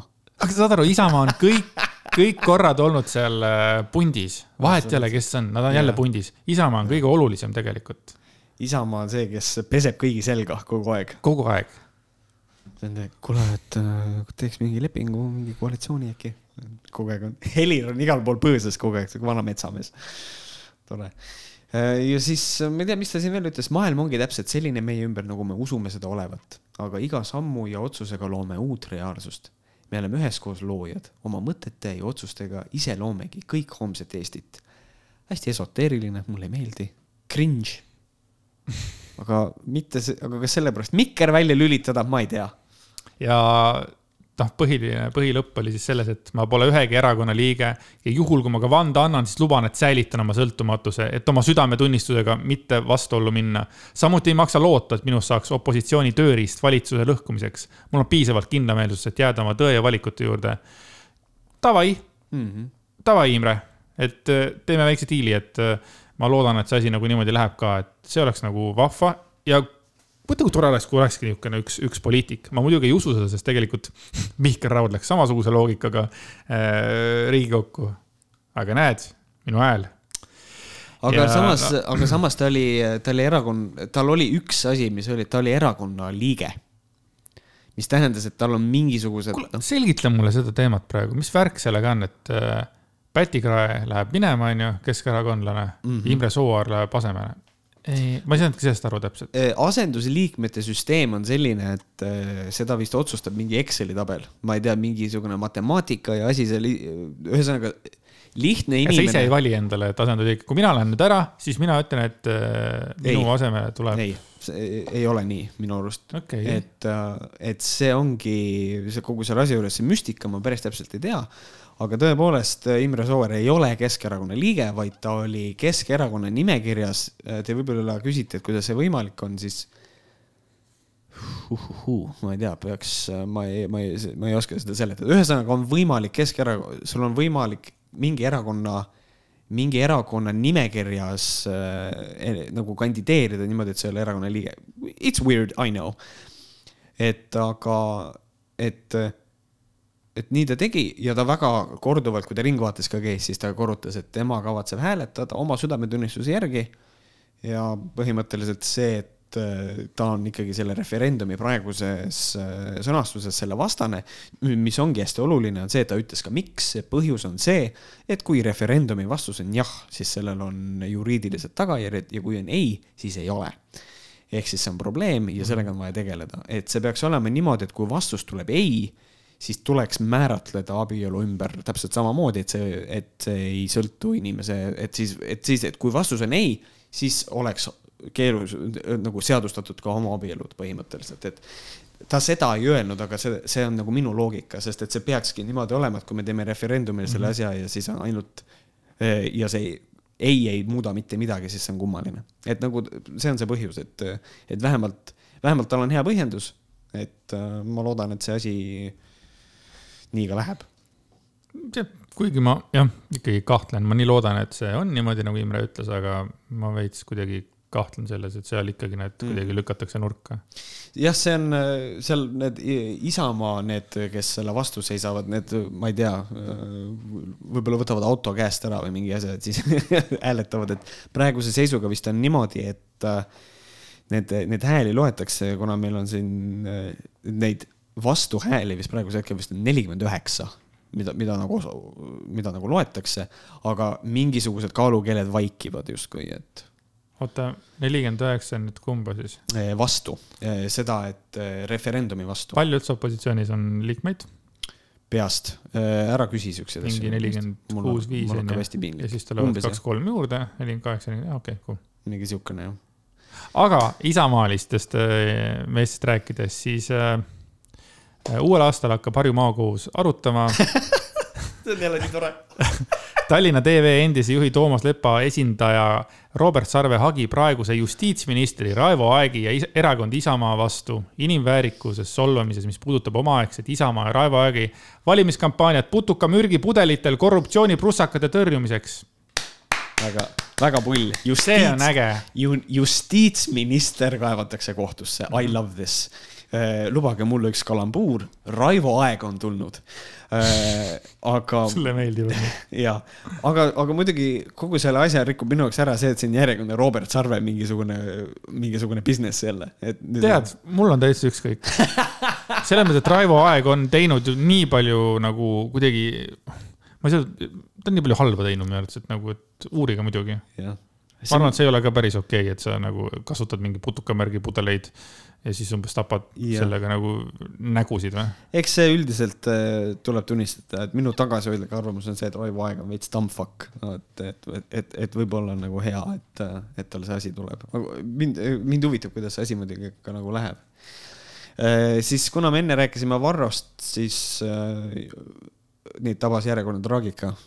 objektiivil äh, võeti video maha jälle Youtube'ist ja siis sellest tehti artikkel pealkirjaga Youtube tsenseeris järjekordse Objektiivi saate. ja nad jätkavad siis oma vana head tsensuuri narratiivi, et Youtube tsenseerib neid.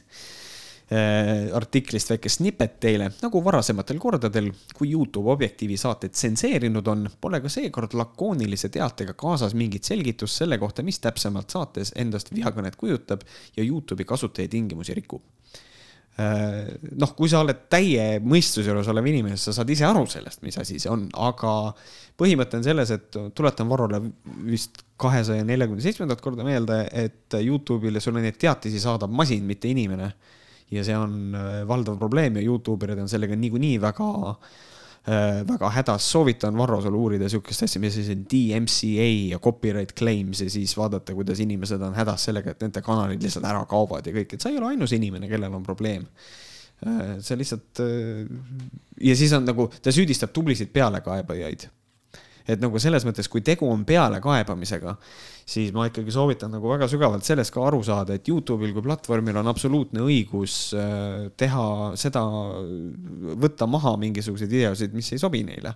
ja nad ei ole kohustatud sulle ütlema tegelikult, et mis, et mis seda rikub et kui sa nagu, kui sa loed seda terms of service, siis sa saad aru, et, et, et, et sa ei tohiks üldse viriseda, eriti ja nagu sul alati kommentaaridesse kirjutatakse, pane oma videod siis sinna BitChute'i või MeWe'sse ülesse, et need on head kohad, sest et seal ei näe mitte keegi.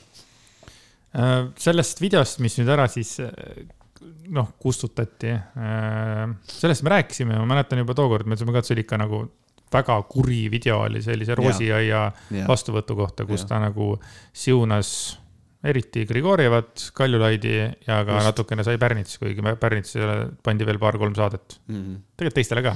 aga noh, Grigorjeva sai kõige rohkem sellepärast, et ta venelane ja naine. see oli tõesti nagu fucked up saade. ja, ja nagu Varro nagu ei õpi ka, et see on nagu viies kord, kus tegelikult äh, kahe aasta jooksul siis nagu viies kord, kui saab vihakõne mingisuguse kuradi selle märgi külge ja kustutatakse ära ja saab jälle nädal aega nagu puhata Youtube'ist, onju. okei okay,, see nädal aega, see ei ole mingi karistus. see selleks, et noh, ta pan-, nad panevad seda mujale ja blablabla bla, bla. Neil on oma mingi hosting, jah. aga nad ei õpi.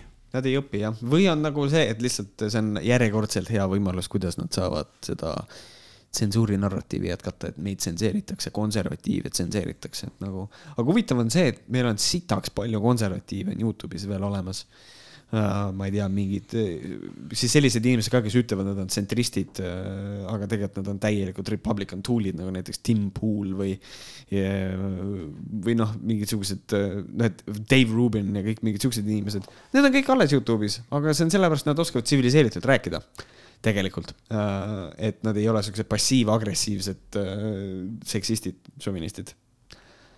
That's my two cents oh,. Also fuck you, aga põhimõtteliselt nagu sihuke veits naljakas. jah, olen sinuga nõus jälle. kas nüüd, äh, nüüd saime jälle kirja, äh, mille vist siis äh, ma loen ette, kus kohas siis tere, Märt ja Andres Andreas, Andreas., Andreas. ei ole Andres, jätke see Andrese teema ära. Noh. kurat. kurjam. aga olen teid kuulanud algusest peale ja äh, väga nai-, naituin. väga, väga naituin teie mõtteviisi, ehk siis naudin teie mõtteviisi erinevatel relevantsetel teemadel. teete õiget asja. soovin lisada teie üheteistkümnenda osa arut-, arutelusse, kus rääkisite multifilmide originaalkeeles valmimisest. nimelt on kõige parem näide sellest Frozen, mis juba tõlkes on eesti keeles veider, lumekuninganna ja igavene talv. no kust selline tõlge? Äkki kuulab mõni tõlke või keeleteadlane ja seletab ära, sest Frozeni asemel eesti keeles äh, sobiks ka ju jäätunud või ei. lisaks ka tegelased on nii hästi kästitud inglise keeles, sest eestikeelne Olav ei ole lihtsalt sama ju ja muidugi laulud ka. kuigi olen tänulik Leelo Tungla sõnaseadetel erinevates lauludes, siis Let it go äh, on parem kui Olgu nii või eksin pean nõustuma, et Shrek on inglise keeles parem, on alati olnud, kuigi saabastega kass, kellel on Mait Malmsteini hääl peaaegu samaväärne Antonia Banderasega. eesel muidugi alatiseks hinges Eddie Murphy häälega. aitäh, et teete sellist taskuhäälingut ja jagate oma mõtteid. Teie kuulaja Triinu. siin on, siin on erinevad, mis puudutab tõlkesse ehk siis lokaliseerimine. siis ma arvan, et Frozen, et eesti keeles jäätunud, ma arvan, et miks ta on tõlgitud lumekuninganna igavene talv, et seal on põhjus, on mingisugune täpsuse küsimus. võib-olla on see tegelikult ka stuudio nõue, et võib-olla tõlge ei tohi olla otsetõlge originaalpealkirjast, see on täiesti võimalik. või on asi lihtsalt selles, et keegi arvas, et jäätunud kõlab negatiivselt kusjuures on olemas üks film veel, mille nimi on Frozen, aga see kinodesse ei tulnud, nii et ma arvan, et see ei seganud. Äh, õudusfilm, hästi sitt film.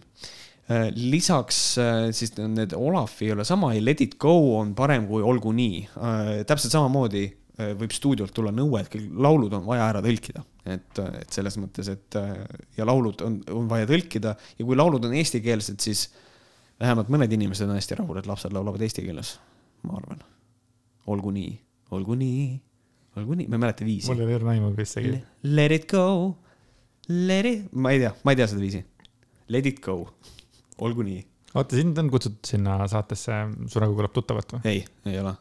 aga läheksid? ma arvan, et ma ei julgeks laulda ei no praegu tuli väga ilus selline ime, imeline hääl tuli. sellepärast, et ma oskan. veidi autotune'i veel taha vaata. ma oskan laulda siis, kui ma pean lolli mängima, siis ma nagu saan sellega hakkama, kui mul on nii, nii nüüd tõsiselt laulan ega Peeter Oja ka nagu tegi seal ka lihtsalt komejant ja Sepo Seemani laulmine ilmselgelt ei ole ka tegelikult ju laulmine Uhuhuu, see. ma ei tea, miks sind ei ole veel kästitud sinna. vana klaver, äh, Sepo Seeman mängis seal äh, Karmel Tennosaart ja. seal laulis jah? ja laulis väga hästi. Sepo oskab väga hästi laulda. okei okay,, kui ta Ain laulis. Mother, there ain't no mother. siis ta, siis ta tegi, siis ta tegi Blackface'i ja oli halb inimene okei, true. et, äh, et, et selles mõttes, et ei, ta oligi seal saates rohkem niisugune nagu naljategija minu arust ka, siin on nagu iga aasta nagu minu arust Raivo ja Tamm tegi sedasama, et ta oli ka lihtsalt pandud sinna, et he's just funny. ja, ja, ja ta oligi. jah, et selles mõttes see nagu, et selles mõttes see nagu toimib.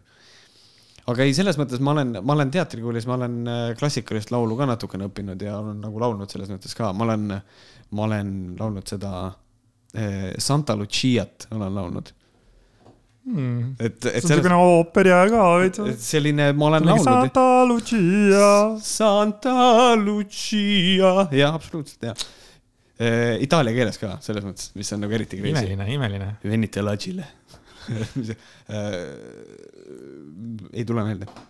Venite lagile. oota, sina õpid ju asju pähe kogu aeg, onju? Archeta mia, Santa Lucia. jah. väga ilus, aga sa, sa õpid ka enne kõik asjad pähe, onju? jah. Nii, ütleme, et kui praegu kogu see meie Võhkõrite dokument, see on ju. see kiri kaasa arvatud esimesest äh, sõnast saadik, kaua sul läheks, et kogu see asi pähe õppida? kas mõte või sõna-sõnalt? sõna-sõnalt. sõna-sõnalt uh,. uhuhuu, ma, okei okay,, siin on praegu see dokument, seda on üks viis lehekülge, ütleme. et see sõna-sõnalt pähe õppida, mida ma ei ole mitte kunagi teinud, siis ma võtaksin endale selleks võib-olla kaks nädalat. et ikkagi palju, ma arvan, et sellega läheb palju aga, aga kui mõte, mõte, ma arvan, ma saaksin mõtte kuskil, kui ma aktiivselt sellega tegeleks, ma õpiks selle ära. seda on, okei okay,, ma arvan, et kui, kui, kui asi on mõttes, ma arvan, ma saaks, tõenäoliselt sulle mõtte homme samal ajal võib-olla saaks ette lugeda, ma arvan, oleks võimalik aga ma peaks sellega kõvasti tegelema, nagu selles mõttes. sest et kui me tegime seda tükki Inimesed ja numbrid, siis meil oli, meil oli üks A4 tekst ja siis me õppisime niimoodi ühe lehekülje, teise lehekülje, kolme lehekülje, et noh, tegelikult on, on võimalik endale vist ikkagi kaks äh, A4 pähe õppida ühe päeva jooksul niimoodi mõttena, et ühtlase jutuna on nagu võimalik. aga. ja kaua see kestab sul? nii kui saab äh, tükk läbi, on kõik kadunud? see kestab niimoodi, et kui ma tean, et seda on vaja veel mängida, nagu ma nüüd tean, et me seda mängime veel hmm., siis see, siis see ei lähe meelest ära. kui ma tean, et on viimane tükk, me rohkem seda ei mängi mul on nädala aja pärast see meelest läinud okay,. aga, sa... aga ta võib tagasi tulla. kas see on mingi uus informatsioon, et see numbrite näidend jätkub? ei, ei, ta ei ole väga uus, me lihtsalt, meil on juba veebruaris panime müüki mõned kohad, et, et ma ei tea, kas. aru, ma sain aru, et ongi kõik, sa ütlesid mulle, et kõik on. siis ma arvasin, et kõik on. aa, no siis on ikkagi natuke uus informatsioon. võib-olla selles mõttes küll jah, aga, aga jah, me teeme seda veel, vist on nagu see plaan ka, et vist ka järgmine aasta mängida, aga vara on öelda, me ei tea, kuidas, kuidas meil maailmas on, võib-olla meil tuleb uus haigus Covid kakskümmend ja ma ei tea mm. -hmm. siin oli mul töö juures siis nagu tuleb nagu hakata inimestel panema enda puhkuseid paika järgmise aasta puhkused, siis nagu tekitakse puhkusegraafik ja siis vaadatakse, kuidas saab niimoodi ilusasti, et kõik saavad oma tahtmise yeah. ja samas nagu ei kannata mingisugused kohad ette mm, -hmm. et ei ole asendust ja siis oli ka nii, et inimesed on praegu niimoodi, et noh, käed üleval, et ma ei, me ei tea nagu, kuhu panna, vaata. et jah. alati on olnud hea lihtne, et ah, okei okay,, me ostame sinna või no juba vaatame Türki piletid ära, et panen aprilli, panen märtsi, panen mis iganes, talvepuhkus on ju. ja nüüd, nüüd ei oskagi kuhugile panna, sellepärast et, et kõik asjad on kinni ju siis kui minu käest küsitakse, mis sa arvad, siis mina ütlen, et mina arvan, et üheksa kuud kestab see veel. mina arvan, et see lõpeb kuradi ma võib-olla järgmine sügis ja siis või siis noh, jätkub samamoodi, aga lihtsalt, et me oleme sellega harjunud, võib-olla on vaktsiinid, võib-olla mingisugused noh, asjad, kuidas me nagu saame mm edasi elada, aga ma, ma arvan, et see niinimetatud lockdown, see siin noh, suvi, ma arvan, et suvi läheb ka raisku, raisku veel sellega. ja, ja ma ei ütle mitte millegi pealt, ma täiesti nagu suvalt. see on et see on sinu uneducated opinion. selles mõttes just ka, sest ta on üheksa kuud kestnud, et miks ta ei võiks veel üheksa kuud kesta. ma ei, ma ei näe, et midagi nagu muutuks väga. Jah, mul on nagu, ma just äh, vaatasin seda, et, et minu abikaasa võib-olla saab siis äh, vaktsiini, sest et ta on õpetaja, et ta nagu läheb sinna eesliini alla justkui. et äh, ma ei kujuta ette seda vaktsiinivastaste propagandat, mis hakkab tulema nüüd uuel aastal. vaktsiinivastasus, aga, aga ma alustan agaga küsimus sulle, et noh, kas sa, kas sa pead seda mingisuguseks äh, suureks mureks, et seda ei ole nagu testitud nii pikalt, nagu võiks? Ei ehm,? osaliselt nagu pean, aga minu arust äh, me peame arvestama ka selle tõsiasjaga, et me oleme reaalselt täiesti pretsedenditus olukorras, kus kohas äh, meil tuleb mingisugune nakkushaigus järsku ja sellel on nii kiiret lahendust vaja, et nagu selles mõttes, selles kontekstis mm, ei. Sest hetkel ma nägin, et ka Objektiiv on nüüd äh, roninud sinna auku, et ka on vaktsiinivastased. kui sa oled seda nagu märganud, et nüüd on nad seal, nüüd on nad seal Telegramiga nagu noh, võrdsel positsioonil, aga nad on üldse üsna tihti yeah.. et seal jah, seal Varro oli ka kirjutanud pika postituse sellest jälle kõik, mis seal nagu valesti on ja, ja kui ma loen seda, siis tal on mingisugused asjad, millega ma olen nõus. Ma ei hakka sulle praegu ette lugema täpselt, mis seal oli, onju, aga on mõned asjad, mis tõesti, et kui, kui ikka ei ole absoluutselt nagu testitud seda, et siis Mhm. nojah, see, ma saan aru, need kliinilised testid ja see, et need on nagu piiratud, et ma saan sellest nagu aru uh,. Sure, kindlasti, mis vaktsiinivastaseid väga palju aitab, ma arvan, et selle vaktsiiniga kaasneb inimestel mingisuguseid probleeme, kindlasti. mitte ühtegi vaktsiini ei ole olemas, millega ei kaasne mingit probleemi, selles mõttes. Ja kui see nüüd selgub, et siis ongi või siis on see, et kellegi laps oli autist enne ja siis ta sai selle süsti ja siis, ja siis saab diagnoosi, auti-, autismi diagnoosi pärast süsti. kuigi enne ka. see oli see Britsoni teema on ju. jah, just siukene, et, et siis on ikkagi vist, kurat, see vaktsiini asi vist on nagu seotud et, et noh, mina, mina nagu juba näen seda vaktsiinivastaste propagandat väga tugevalt ette. ja ma saatsin sulle eile ühe pildi, aga tuleb välja, et see ongi mingi asi, mis käib nagu Facebookis ringi. sihuke, sihuke lehekülg nagu Teekond tõeni on siis nagu jaganud sellist asja, et suurt pilti, et pandeemiat ei ole, on hoopis gripist vähem surmav viirus, võltsprognoosimudelid, inimesi tapvad soovitatavad ravimid, ebausaldusväärsed ja saastunud testikomplektid, naeruväärselt ülepaisutatud surmade arv ja meedia tekitatud hüsteeria, et peale suruda reglement, mille lõppeesmärk on inimkonna orjastamine sundvaktsiinidega, mikroobid ja politsei riikliku valve pandeemiat ei ole, see on, see on Agenda kakskümmend üks läbiviimine meie silme all. ja seda jagatakse see juba üsna massiliselt. Mulle nagu meeldib eriti see, et äh, see nimekiri on nii naljakas äh,.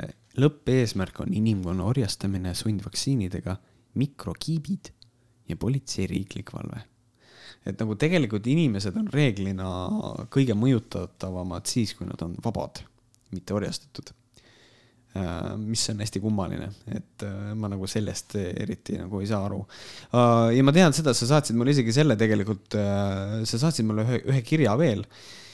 et ja. kuidas abordi, kui sa tegid oma postituse, mis oli, kritiseeris seda abordivastasust, siis keegi ütles sulle seda, et aga eelmine aasta sai Vähiliit sada tuhat, Tartu Lastekliinik sada tuhat ja üks vähiga seotud fond veel sada tuhat. noh, et siis see on nagu infoks, et nagu sajad tuhanded on läinud Vähiliidule, mis oleks ka see aasta olnud palju mõistlikum koht, kuhu katuseraha panna sellest ei räägi keegi, samamoodi pole okei okay,, et Eestis arulagedalt naised lapsi tapavad ja see on küll see koht, kus kohas ma tahaks selle inimese, kes selle kirjutas, sügavalt putsi saata, et nagu kas tõepoolest on, eh, inimesed tõepoolest arvavad, et inimesed kasutavad, teised inimesed kasutavad aborti rasestumisvastase vahendina.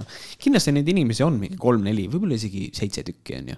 aga abort on sügavalt ikkagi, see ei ole nagu lihtne asi, mida inimene teeb, et ta otsustab oma lapsest loobuda.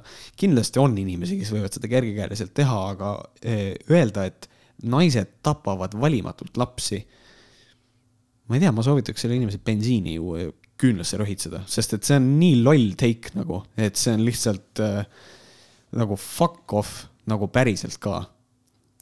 et abort on valimatu laste tapmine, päris nii ka ei ole nagu selles mõttes. üldse see, ma, ma, ma kogu aeg tunnen, et meil on kunagi mingi väga suur abordidebatt jälle tulemas poliitikas või. aga, aga teisest küljest ma jälle tunnen, et ma tahaks tegelikult vestelda inimesega, kes on abordivastane. ja ma tahaks näha nagu seda sügavamat loogikat seal taga peale selle, et inimene korrutab mulle sada korda, et see on mõrv ja et see on inimese tapmine ja see on sündimata laps, mis on huvitav asi, sest et ma olen sellest sündimata lapse asjast sulle rääkinud ka, et kui kaks inimest kohtuvad, nad meeldivad üksteisele. oletame, et nad kohtuvad pubis. ja seal on nagu see, et nad saavad aru, kurat, et see on see õige inimene, kurat, ta täiega meeldib mulle nagu ja siis näiteks paaris on tulekahju siis nad lähevad välja, nad kaotavad üksteist ära, igaüks läheb oma koju, nad ei kohtu enam mitte kunagi, siis me võime ka rääkida potentsiaalsest sündimata lapsest sellisel juhul. Nüüd on kindlasti konservatiivne inimene ütleb jaa, aga abort on juba olemasolev laps, kes inimese sees kasvab. jaa, aga see on loode, see ei ole inimene, ta ei, see ei ole indiviid, tal ei ole maailmavaadet, tal ei ole arusaama, mis ta ümber toimub, kas see on nagu inimesega võrreldav? sama hästi siis äh, noh eneserahuldamine samamoodi, ma tapan ei, noh, ma ei tapa iga päev, aga põhimõtteliselt ma tapan ühe lapse iga päev, kui ma. mina tapan iga päev miljoneid inimesi siis sellisel juhul, nii. et, et, et selles mõttes see, pluss äh, sellisel juhul iga kord, kui naisterahval on päevad, siis see on äh,, siis see on manslaughter, see on tahtmatu tapmine. sest et seal läheb üks, vähemalt üks munarakk raisku et seda, seda ei ole viljastatud mm, -hmm. et siis võiks tegelikult ju iga naise, kes ei ole lapsi saanud, siis võtame siis, kui oled kakskümmend seitse, siis äh, igal naisel on kohustus täita päevikut, mitu korda tal on päevad. ja kui sa oled kakskümmend seitse ja sa ei ole rase, siis sa lähed kohtusse, siis sa lähed nende inimeste mõrvade eest kinni. näed, väga hea, ma lahendan, ma lahendan siin iibe probleemi praegu. Minority Report, vaata ka mingi vot seal oli filmis oli see, kus. jaa äh,, nähti mõt, ette. just mõtte, mõtte, mõtetega juba nagu mhm. avastati mm -hmm. ära kuriteod, et meil samamoodi, et. sihuke. Äh, ma leidsin ühe hästi huvitava fakti, mis, mis, mis tegelikult ei lähe mitte millegi kokku, aga mis mul oli nagu põnev ja ma tegin sellest pilti ja ma tahan seda ka ette lugeda. ja siin oli siis nagu, oli artikkel, see oli ühest, ühes no me saime aparaadilt, saime hunnikutega ajakirju ja seal yeah. oli siis üks artikkel ja seal oli kirjas niimoodi. Thomas Jefferson. USA kolmas president toetas kogu südamest eksorjade sunduslikku väljasaatmist. kui vabad mustanahalised jääksid USA-sse ja abielluksid valgetega, saaks nendest lastest segarass, mida Thomas Jefferson pidas tülgastavaks. ise sai ta väidetavalt ühe oma orjaga mitu last ja noh, tegelikult võib-olla see oleks isegi kokku paremini sobinud selle, selle Ungari, Ungari vennaga, kes kirjutas, et äh, mehe ja naise vaheline abielu on püha ja siis läks nikkus tüüpi. et see on, see on nagu samasugune silmakirjalikkus, mis on nagu nii. jah, et äh, ja no vot, see ongi see, et äh, kõik need siuksed hästi tugevad valged keskealised mehed, kes on hästi pro-life ja abordivastased Äh, see on ju mitu korda on välja tulnud, noh USA-s siis, et, et neil on mingid armukesed, kellel on abordid kinni makstud, mees on ise kinni maksnud või käskinud aborti teha, sest et on mingi abieluväline laps olnud. et nagu see on, et see, see silmakirjalikkus on nagu olemas, et nagu lihtsalt nagu nõme hästi silmakirjalik. aga see kiri, mis sa nagu ette lugesid, äh, jah, see, see teine pool oli see, mida ma isegi ei, nagu lasin täitsa mööda ära, et, et noh, see, kuidas valimatult lapsi tapetakse tähendab see kiri, mis sa nagu lugesid ette sealt mm -hmm. minu saadetud, mitte see, mida meile siia Võhkaritesse on. aga võib-olla mind häiris teistpidi hoopis see, et no jaa, aga varem on küll viidud äh, sada tuhat Vähiliidule, sada tuhat laste sellesse, no jah, aga ja. iga aasta on see oluline teema, et see ei ole nii, et me nüüd anname nüüd üks aasta ära ja ega, ega ühe aasta jooksul ei tule rohkem äh, vähihaigeid või, või, või, või lasterikastest pered, mida iganes, whatever on ju. et, et noh, see nagu ei tee heaks seda nagu, et äh, iga aasta on see nagu oluline teema lihtsalt. minul on, minul on hästi järsem öö, kommentaar sellele, et kui vähi, kaks vähiliitu, ühesõnaga kokku läks kolmsada tonni vähiliidule ja no erinevatele vähiliitudele, et sellest ei räägi keegi, siis öö, ei räägitagi. aga sellest räägitakse nüüd sellepärast, et sada seitsekümmend üks tuhat euri see aasta läks raisku. There I said it, et noh selles on, selles ongi probleem, sellepärast räägitaksegi. miks see ühendus raha sai? neli kuud vana MTÜ, go fuck yourself, täpselt samamoodi see Ungerkhan, mis oli kaks, kaks aastat äh, vana MTÜ ja sai nelikümmend viis tonni, millest ta loobus meedialaimu tõttu, which is bullshit. Äh, et, et selles mõttes see ongi probleem, et nagu kui Andres, see, see jälgija, kes selle kirja saatis. I think you are trash, tegelikult, sorry lihtsalt. jaa jaa!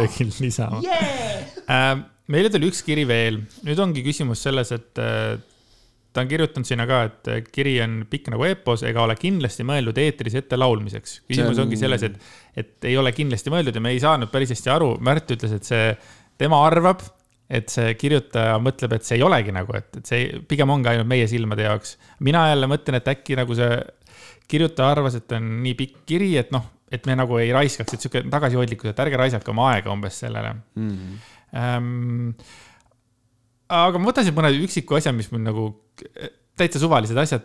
näiteks sure. enamik teie vestlusest on avardanud mu silmaringi ja šokeerinud väga olulisel määral ja olen tänulik, et teete minu eest ära kokkuvõtted ja jagate soovitusi nii lugemiseks kui ka vaatamiseks. nii, ma tahaks teada, mis asi on šokeeriv jaa. see, vot see, see, see tekitas mul kõige suurem nagu ärevust, et mis asi on šokeeriv. kas äh, minu mõtted, mis mõtted, kas sinu mõtted, millised need mõtted šokeerivad on? ja, ja, ja või see... siis, või siis, kas on nagu see võimalik, mis oleks minu unistus, et, et ta šokeeris, oh my god, ma ei olegi selle, selle nurga alt mõelnud. issand, kas see oli šokeeriv? et see on nagu huvitav, et mõni asi on šokeerinud, et lihtsalt või on lihtsalt see, issand, kui loll sa oled mm. -hmm. see oleks ka nice siis, äh, mis nagu teda pani kirjutama, ma natuke räägin ümber, oli see, et äh, me rääkisime mingitest suvalistest asjadest ja äkki saate lõpus ma küsisin kooli, kooliteemalise küsimuse, et kuidas nagu siis õpilastesse suhtutakse ja kuidas saaks olla see nagu kuidagi isiklikum. ja mis me teeme sellega? Teeme sellega, ma arvan niimoodi, et me võime seda hästi põgusalt puudutada, sest et see on neli lehekülge pikk, ma arvan, et selle ette, ettelugemine oleks eraldi podcast äh, ja kommenteerimine. et võib-olla mingisugused, et põhimõtteliselt, mis siit nagu juhtus, oli see, et ta lihtsalt äh, siis äh, Kirsti või, oli tema nimi et äh, Kirsti kirjutas oma seisukohast õpetajalt meile, kirjutas hästi pika kirja lihtsalt, kuidas ta on, räägib oma nägemusest ja kuidas asjad päriselt käivad. et selles mõttes, et meil, meile nagu väga meeldis see kiri, väga detailne, väga hästi kirjutatud. Kirsti, suur tänu sulle. Äh, kui sa, kui sa, kui sa tahad, et me selle kirja ette loeme kirjuta meile, siis, siis see saab tehtud, võtame selle kokku näiteks järgmises saates. et, et selles mõttes äh, kõik sellised asjad, kui te nagu täiesti, kui te kuulete, et me räägime mingisugusest asjast ja me mingit nurka võib-olla ei vaatle, siis on täiesti teretulnud sellised kirjad. Äh, aga minu, minu isiklik lemmik äh, osa sellest kirjast oli postscriptum ikkagi eesti keele õpetajaga on tegu, kus kohas ta kirjutas. üks saade pole mitte episood, vaid osa või jagu. episood tähendab eesti keeles haigushoogu või muud lühiajalist kestvat sündmust.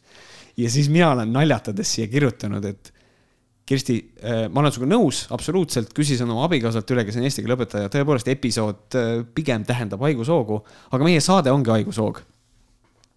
ma vabandan neid nagu niimoodi välja et, äh, et, et selles mõttes, et äh, tänud kirja eest ja tänud, et võtsid selle aja, et meile kirjutada korralik essee äh, teemal haridus. ja, et kui sa ikkagi tahaksid, et me selle üle nagu pikemalt, kuna ma praegu veits jooksin kinni, sest ma ei teadnud, kuidas me seda võtame mm, -hmm. et me minul ei ole midagi selle vastu, et see terve kiri ette lugeda. jaa, absoluutselt, et äh, kui ei pea oluliseks, siis, äh, siis ei loe, aga kui. aga see episood tuleb ikkagi inglise keelest, et on epi-, episood on igal pool, on, äh, on seriaalides, on podcast ides ja see on ilusasti nagu eesti keelde toodud. jah, aga ta on teises kasutuses, täpselt samamoodi nagu on inglisekeelne sõna decade, äh, eesti keeles kasutatakse dekaad, mis Jaa, tegelikult eesti keeles ma tähendab kümmet mis ma päeva. nüüd nagu tegema pean ma olen nii ära harjunud. sa pead rääkima õigesti, olen- Eesti eest anname tuld. et mul on alati on episood, noh. ja, ei, mul on ka, ma arvan, et ma arvan, et äh, ma arvan, et nüüd oleks juba veider ka jätkata, et nüüd on äh, üks, et me oleme kaksteist episoodi teinud ja edasi on jaod, et me jätkame oma haigushoogudega lihtsalt. et ei ole muud midagi. True. aga ma arvan, et me tänaseks äh, oleme oma teemad lõpuni saanud. Minge kuulake meie eelmist osa, mida te arvatavasti ei ole veel kuulnud, meie live episoodi, väga vahva episood on. jah, millega me episood. You said it, bro Yes.